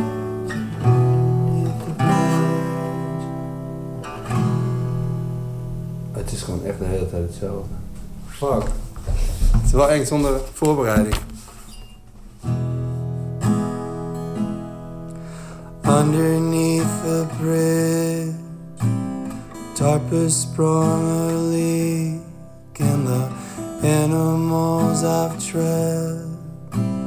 Weet je, als je een gitaar oppakt en het wordt deel van je persoonlijkheid en van je ziel, dat gebeurt gewoon niet zo vaak.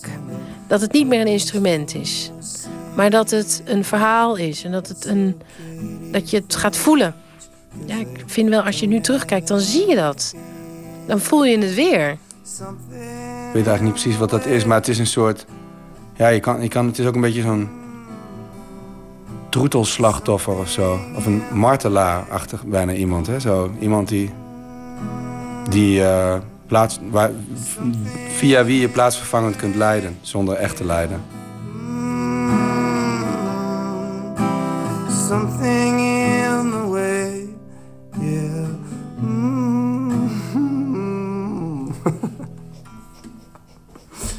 is dat ja? Eigenlijk toch best raar dat je je dan zo ehm, herkent op een of andere manier toch. Of ik weet niet, maar verbonden voelt met iemand die eh, heel veel drugs gebruikt en zichzelf helemaal kapot maakt en dan zelfs uiteindelijk zelfmoord pleegt.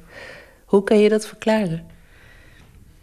Ja, eigenlijk kan ik het niet verklaren waarom ik me verbonden voelde. Want ik had natuurlijk nog geen druppel alcohol aangeraakt. En ik was in Veldhoven natuurlijk totaal niet rock en roll, mijn leven.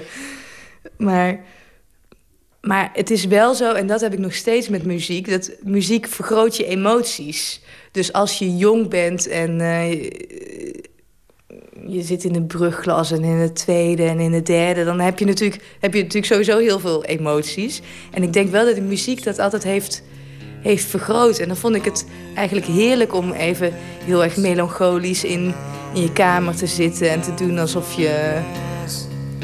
Alsof je ook een junk was. Alsof ik ook een junk was. en zo je haren langs je gezicht en dan uh, oogpotlood uh, op. Ja, dat is natuurlijk gewoon aanstellerig.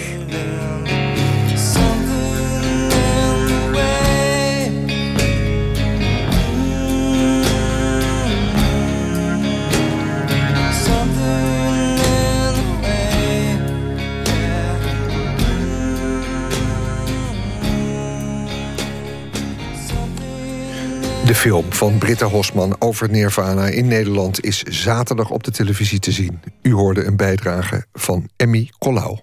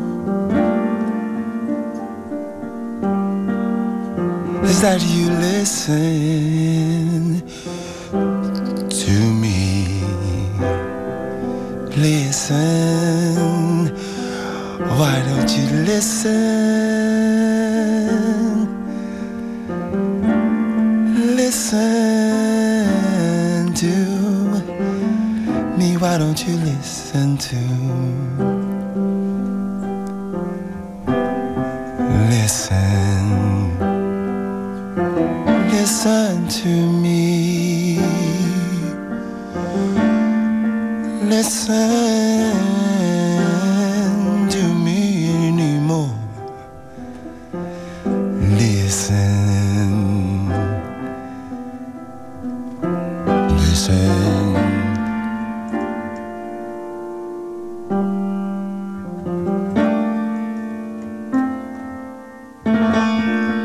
Why don't you listen to me? All I ask is that you listen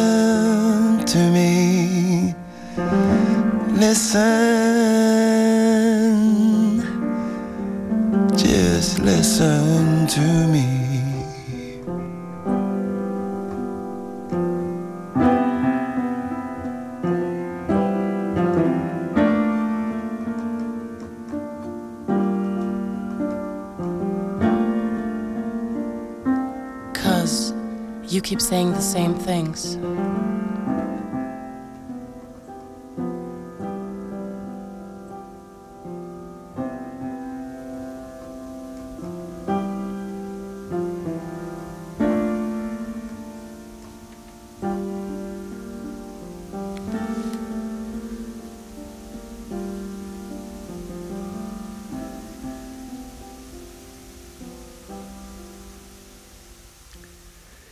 En dat was de muziek van Cody Chestnut. Velen waren hem uit het oog verloren, maar sinds Landing on a Hundred, zijn laatste album uit 2012, staat hij weer in de schijnwerpers. Van dit album is nu ook een luxe editie verkrijgbaar en daarvan is dit bijzondere nummer, Listen, een van de bonusnummers. Nooit meer slapen. Een week of twee geleden kwam in het nieuws... de investeringsmaatschappij Egeria zet NRC Media te koop. NRC Media, de uitgever van onder andere NRC Handelsblad. Sindsdien wordt er natuurlijk gespeculeerd... wie een mogelijke koper zou kunnen zijn. Boudewijn Poelman, de man achter de postcode loterij... de Telegraaf Media Groep, het concern van de Telegraaf... een ander mediabedrijf. Aan de telefoon nu is NRC Handelsblad hoofdredacteur Peter van der Meers... tevens directielid... Um, en we hebben hem aan de telefoon, want er is in zekere zin nieuws. Goedenacht, meneer Van der Meers. Goedenacht. Want eerder vandaag sprak ik met Piet Bakker, de lector aan de Hogeschool Utrecht op het gebied van journalistiek. En ik filosofeerde met hem hardop over of het niet een goed idee zou zijn als de lezers van NRC Handelsblad zelf de krant zouden overnemen. Dat leek ons nou een goed idee. En toen wilden we u vragen om een reactie. En nu blijkt dat u dat ook een heel erg goed idee vindt, toch? Ja, klopt. Het is niet zo vreselijk nieuw het idee. Het is al in 2009 uh, geopperd, uh, destijds door Joris Luijendijk in een column in NRC Handelsblad. Dat was, bij de, dat was bij de vorige overname, 4,5 jaar geleden. Toen, uh, maar toen is er niks mee gebeurd en toen is het eigenlijk niet onderzocht. En nu denkt u, we kunnen het nu wel serieus aanpakken. Ja, wel toen is het inderdaad niet echt onderzocht, maar het idee is altijd blijven sluimeren. Omdat we natuurlijk wisten dat uh, Igeria en, en Dirk Sauer vroeg of laat inderdaad uh, NRC weer in de, in de verkoop uh, zouden doen. Dus het idee is blijven sluimeren op de redactie. En een aantal redactieleden zijn in overleg met de stichting Lux et Libertas. Dat is de stichting die instaat voor de bewaking van het gedachtegoed van NRC. zijn in overleg met die stichting gesprekken blijven voeren onder andere met de hoofdredactie, maar ook met uh, partners buitenshuis, om te zien, stel als we zouden verkocht worden, zouden we dan erin slagen om geheel of gedeeltelijk um, uh, zelf NRC te kopen. En nu NRC inderdaad door, uh, door Egeria in de etalages gezet, ja, wordt dat idee natuurlijk urgenter. En zijn we nu wat, wat, wat, wat concreter aan het nadenken en concretere gesprekken aan het voeren over de vraag hoe kunnen we dat nou doen. Ja, Joris Luijendijk die schreef in 2009... Uh, ja, als we 200.000 abonnees oproepen om samen NRC Handelsblad te kopen, dan kunnen we bijvoorbeeld een uh, verhandelbare obligatielening geven, 300 euro verstrekken. Dan kan de krant een lezerscoöperatie worden. Uh, obligatiehouders krijgen een leuke rente. En zo is dan uh, vermeden dat er opnieuw misschien een bedrijf is dat geld wil verdienen aan NRC Handelsblad. Want als je natuurlijk zelf de baas bent, dan is dat winstoogmerk minder. Dat is de gedachte, toch? Ja, precies. De gedachte is dus inderdaad, mijn, mijn grote zorg als hoofdredacteur en, en de zorg van de redactie, is natuurlijk, wij willen een koper die de kwaliteitsjournalistiek waar wij voor, staan, op papier, digitaal, misschien straks zelfs nog op andere manieren, we willen, die koper, ehm, eh, we willen een koper die dat gedachtegoed uh, verdedigt en, en dat, dat onderschrijft. En ehm, het zou natuurlijk heel mooi zijn als we op een of andere manier, en dat kan inderdaad via zo'n lezersfonds of, of via uh, bevriende families of er zijn allerlei constructies uh, bedenkbaar. Het zou heel mooi zijn als we een eigenaar krijgen die minder op het rendement en vooral op het gedachtegoed van de NRC uh, inzet. en daarom is het nu wel het moment om dat eens goed te bekijken. Ja, er is een voorbeeld in België, de krant De Standaard. Eigenlijk was dat vroeger ook een beetje de NRC Handelsblad van België. Uh, dat is ooit overgenomen door een aantal rijke families. En daar is een redactiefonds van, ik geloof, 15 procent. Is dat een, beetje, is dat ja. een beetje de gedachte?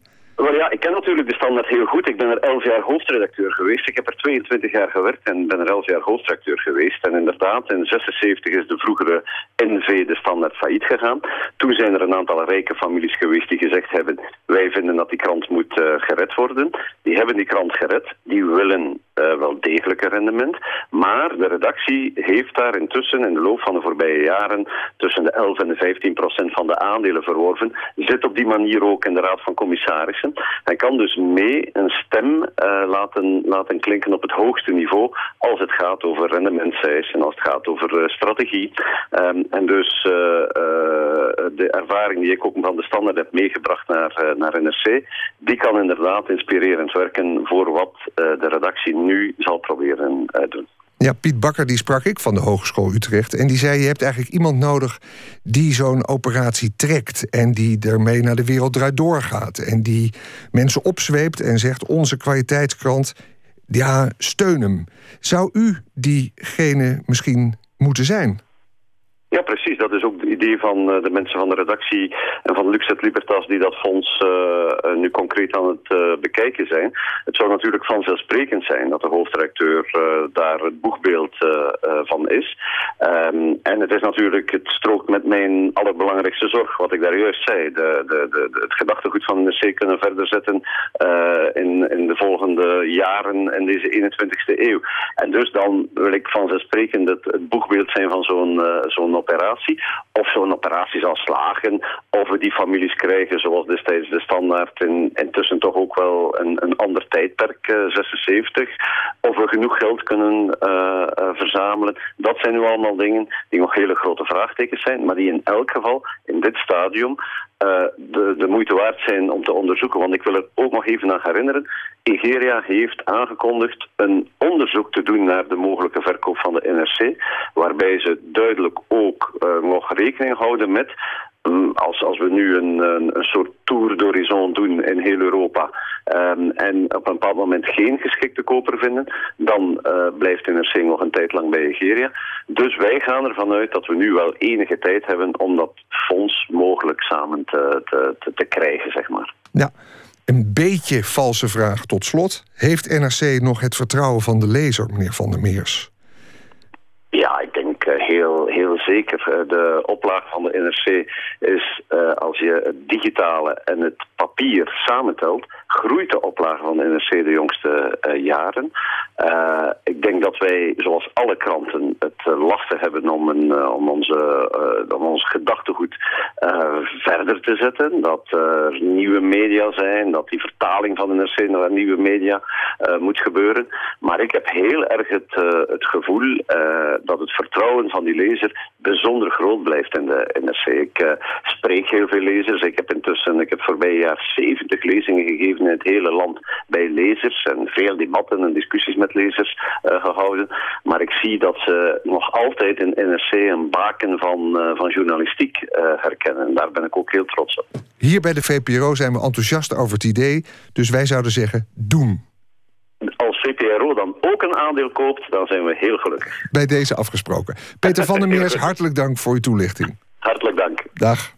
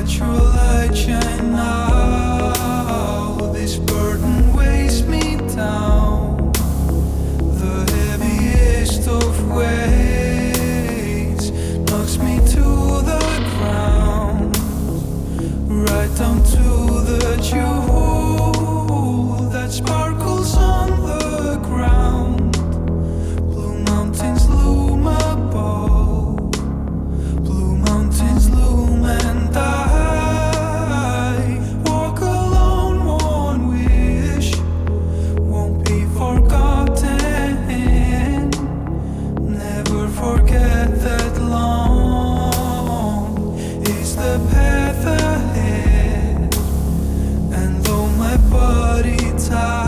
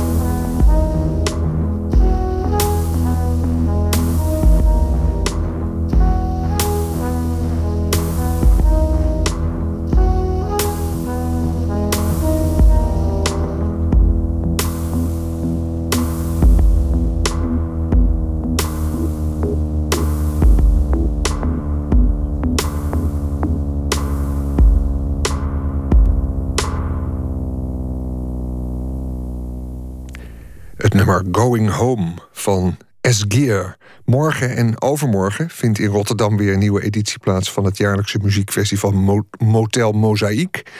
En dat was de aanleiding om nu deze muziek van Esgear te laten horen. Want in Nooit meer slapen draaien we elke week, elke dag muziek van een van de optredende artiesten al daar.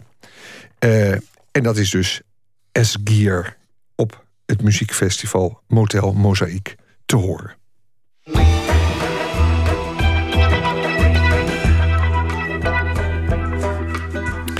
Lana Peters, de naam die de dochter van Jozef Stalin zichzelf gaf. Lana Peters. Ze wordt ook wel de bekendste overloper van de Koude Oorlog genoemd, want in 1967 wist zij via India naar Amerika te ontsnappen. En de jaren daarvoor waren heel hard voor haar. Haar ongelukkige moeder pleegde zelfmoord. Haar vader stuurde haar partner naar een strafkamp. En zijzelf leefde stilletjes onder Stalins beklemmende schaduw. Ze liet in de Sovjet-Unie een reeks gebroken huwelijken, haar naam en haar kinderen achter. In haar nieuwe thuis schreef ze twee absolute bestsellers die over haar leven gingen: Twenty Letters to a Friend en Only One Year. De Amerikaanse journalist Nicholas Thompson raakte bevriend met haar en correspondeerde met haar tot aan haar dood. In de New Yorker verscheen een verslag onlangs van die vriendschap. Maarten Westerveen spreekt met Willem Westijn en André Gerrits over Lana en over haar vader Jozef Stalin. 20 years ago, when I joined the Communist Party as a student of Moscow University, I believed in communism as uh, everybody, U hoorde de stem van Lana Peters, ook wel bekend als Svetlana Aluluyeva. Beter bekend als de dochter van Stalin. In 2011 overleed ze op 85-jarige leeftijd. Over haar vriendschap met een Amerikaanse journalist is net een mooi stuk in het blad The New Yorker verschenen. Dat dit stuk nu uitkomt is geen toeval. Door de crisis in Oekraïne zien we Rusland weer als de tegenstander van weleer. Ik vroeg André Gerrits, professor Russische geschiedenis, naar zijn oorspronkelijke fascinatie met het land. Nou, dat is niet zo moeilijk. Dat was ehm, de onbekendheid van het land. De grootte, de donkerte die je ermee associeert. De kou natuurlijk, de Russische winter. En de onbekendheid, want ik studeerde af, want ik kan het even heel goed nadenken, in 83 geloof ik. En daar ben ik gelijk voor een half jaar naar de Sovjet-Unie gegaan. Ik dacht, laat ik nou eens iets doen wat eh, niet alle andere studenten doen. Overigens, in die tijd was in het buitenland studeren sowieso al minder voor de hand liggend. En ik wilde in ieder naar een plek waar ik weinig bekenden tegenkwam. En Moskou leek mij een eh, goede keuze. Um, maar de belangstelling voor Rusland komt eigenlijk weer voort uit de belangstelling die, het had, die ik had, maar dat zal wel iets, iets puberaals geweest zijn, voor Stalin. Um, voor die merkwaardige, um, gewelddadige, expansionistische, maar vooral gewelddadige Sovjetleider. Daar was ik eigenlijk wel door gefascineerd hoe zo'n ene persoon zo'n ongelofelijke, ja, zo'n ongelofelijke hoeveelheid leed en ellende kan aanrichten. En dus ook een land um, radicaal kan veranderen. Um, in die tijd, tegenwoordig is het toch wat anders. In die tijd was ik eigenlijk voornamelijk geïnteresseerd in dat soort extreme vormen van dictatuur. De Sovjet-Unie in de jaren 80, begin jaren 80, was natuurlijk geen Stalinistische Sovjet-Unie meer. Maar het land was nog steeds gesloten. Het zuchtte nog steeds onder een uh, diepe, zware censuur, onder een uh, slecht functionerende planeconomie. Het was afgesloten van de buitenwereld inderdaad. Dus je ging echt naar een hele andere wereld. Dat fascineerde mij. In Amsterdam spreek ik Willem Westzijn, professor Slavische literatuur. Wat maken Russen tegenwoordig van Jozef Stalin? Ik sprak gisteren toevallig nog twee Russen en ik heb ze gevraagd van... Ja, wat denkt men in Rusland uh, over Stalin tegenwoordig? Nou, in de eerste plaats is het gewone Russische volk, laten we dat zomaar noemen, uh, staat nog steeds heel duidelijk achter Stalin. Uh, ze zien Stalin eigenlijk uh, als de man die Rusland heeft groot gemaakt, maar vooral ook als de man die de Tweede Wereldoorlog heeft gewonnen. Dat is nog eens een, een heel belangrijk idee dat veel Russen hebben. Eigenlijk is Stalin verantwoordelijk voor het feit dat de Duitsers zijn verslagen. Als je in de schoolboeken kijkt uh, wat er over Stalin geschreven wordt... Dan wordt wel over Stalin gezegd dat er wel problemen waren... in de tijd dat hij leefde en dat land bestuurde. Dat er bepaalde, nou ik noem maar eens wat... bepaalde uh, repressiemaatregelen werden genomen tegen een aantal mensen. Maar dat is maar heel sumier. En ook daar wordt Stalin niet beschreven als iemand die een bloedige tiran was... Wat zijn dochter overigens wel doet, Svetlana. He, dat, uh, waar is dat geloof ik het tweede boek dat ook in Nederland gepubliceerd is? Daar geeft zij een portret van Stalin, wat ik me herinner... dat uh, eigenlijk niets ontziend is. Hè. Zij beschrijft haar vader, haar eigen vader... inderdaad als een bloedige tiran. Hè, voor wie... Uh, ja, voor wie niet stelt eigenlijk, behalve wat hij zelf wil. Zijn eigen ideeën, dat is het belangrijkste. En ook als iemand die eigenlijk, ja, je weet het, Stalin heeft nauwelijks een opvoeding gehad. Hij kende, eh, ja, hij kende natuurlijk Georgisch als Georgiër. Heeft een tijd in een, uh, een of andere religieuze omgeving een opleiding gekregen. Maar het was eigenlijk een betrekkelijk onwetende persoon. En ja, als, als, als je ziet hoe zij hem beschrijft, dan denk je dat is eigenlijk een beschrijving die juist is. Maar die beschrijving die hebben de Russen helemaal niet meer in hun hoofd. De Russen denken niet Stalin is een verschrikkelijk. Ja, de intelligentie uitgezonderd, maar het gewone Russische volk denkt Stalin is de persoon die Rusland heeft grootgemaakt, die de oorlog voor ons heeft gewonnen. Die moeten we in ere houden. Stalin, ja, je kan wel allerlei uh, verzachtende omstandigheden aanvoeren, maar het was natuurlijk toch een uitgesproken sadist. Uh, iemand die niet gewoon over lijken ging, iemand die over bergen lijken ging. De vraag is waarom? Was hij nou zo extreem dictatoriaal, dus ook gewoon extreem vreed? Ook in de richting van zijn eigen medewerkers, van zijn eigen kameraden. Extreme, het was een extreem vrede leider. De terreur die hij uitoefende was niet per se noodzakelijke terreur, voor zover je daar überhaupt in wil geloven, maar het was ook gewoon perverse terreur. Perverse, het was een perverse dictatuur. Dat kan niet alleen te maken hebben gehad met het feit dat hij de absolute macht had, hoewel dat ongetwijfeld heeft meegespeeld. Het moet ook te maken hebben gehad met twee andere dingen. Eén, met zijn absolute ideologische overtuiging dat alles wat hij deed onmisbaar was voor de zaak.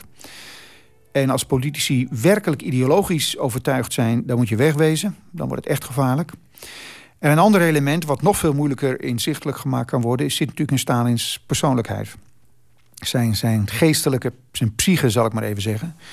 En daar moet toch ook wel het een en ander uh, mee aan de hand zijn geweest. Uh, ik weet niet of die, uh, ik kan maar zeggen, uh, werkelijk officieel paranoïde was. Maar er zitten natuurlijk zwaar paranoïde elementen in zijn omgang met zijn omgeving.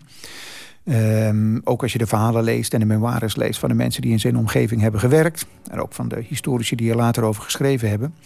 Stalin was natuurlijk niet helemaal een gezond type. Er zat iets in zijn hoofd, laten we zeggen, dat um, in de context, politieke context waarin hij opereerde, extreme proporties en extreme dimensies kreeg. In het artikel uh, over Lana Peters, haar nieuwe naam zoals ze hem aangemeten had in Amerika.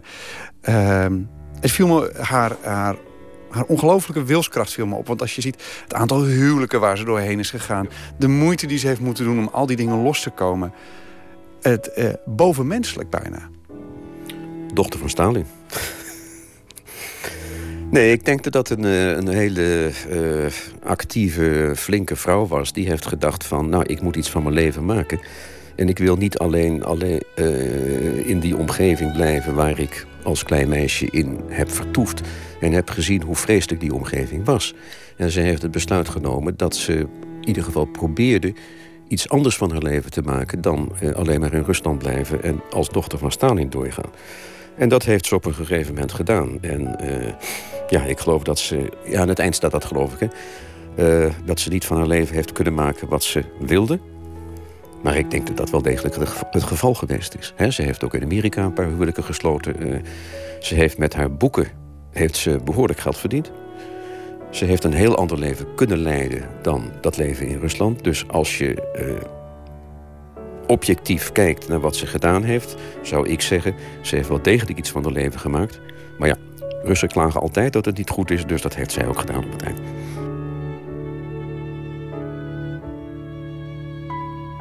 Ze is een thuis. Hè? Het aantal mannen die. Uh, de aantal mannen, daar, daar wordt ze. Nou ja. Ik heb ook wel met. Laat ik eerst zeggen, ik heb ook wel met haar te doen gehad.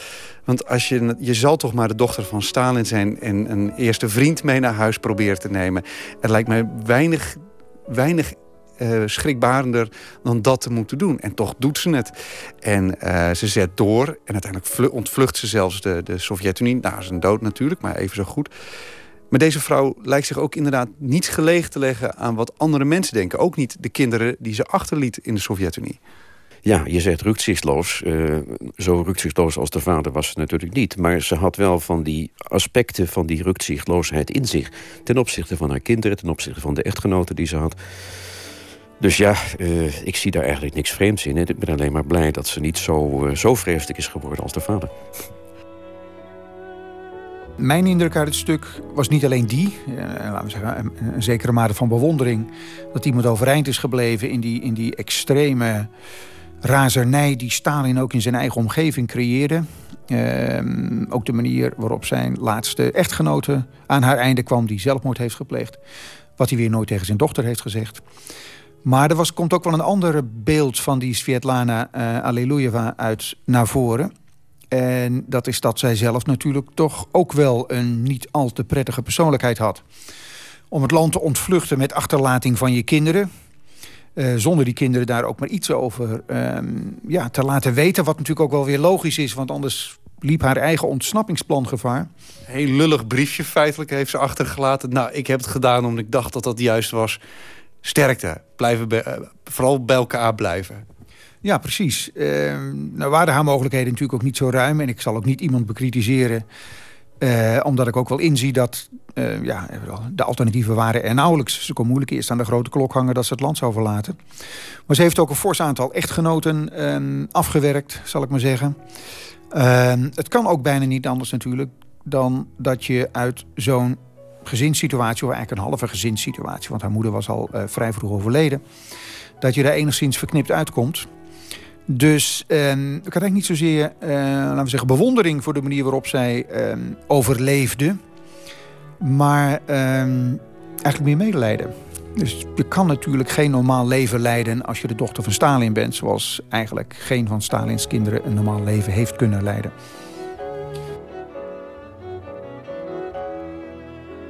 Het is net ook de vraag in het stuk of zij nou, of zij nou haar eigen leven heeft kunnen leiden. En u zegt van wel, zij gelooft van niet.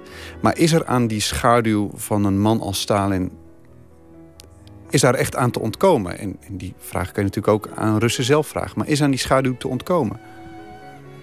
Ik denk het niet, maar je kunt ook niet aan de schaduw van je eigen ouders ontkomen. Dus dat is niet een verschil. Die naam heeft ze natuurlijk altijd achter zich uh, aangedragen, met zich meegenomen. Ze heeft natuurlijk andere namen gekregen door die echtgenotes die ze heeft gehad.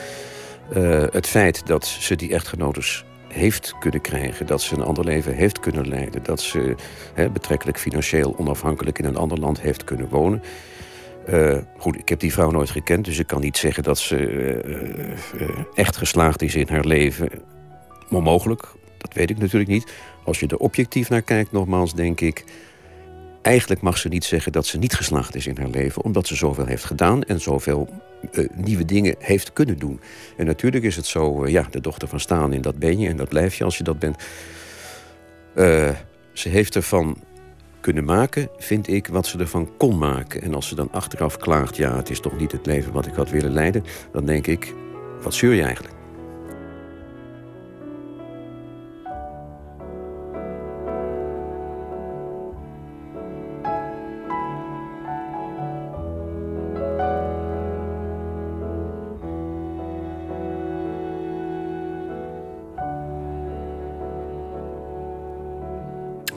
Ja, u hoorde Willem Westijn en André Gerrits over de dochter van Jozef Stalin, Lana Peters. Een bijdrage was dit van Maarten Westerveen. En hiermee zit deze uitzending van Nooit meer slapen erop. En ik vertel u nog tot slot iets over morgen. Dan komt schrijfster Joey Schmid langs om te praten over haar boek Te vroeg geboren. Een verslag van de geboorte en de ontwikkeling van een veel te vroeg geboren kind. En we besteden onder meer aandacht aan de succesvolle Amerikaanse politieserie The Wire, die nu zelfs aan de Universiteit van Amsterdam wordt ingezet bij de colleges politicologie. Verder nog Wouter Kusters, opgezocht in het Willems Arnshuis te Utrecht naar aanleiding van zijn boek Filosofie van de Waanzin. Dat allemaal morgen, wie weet tot dan, of anders later. Dag.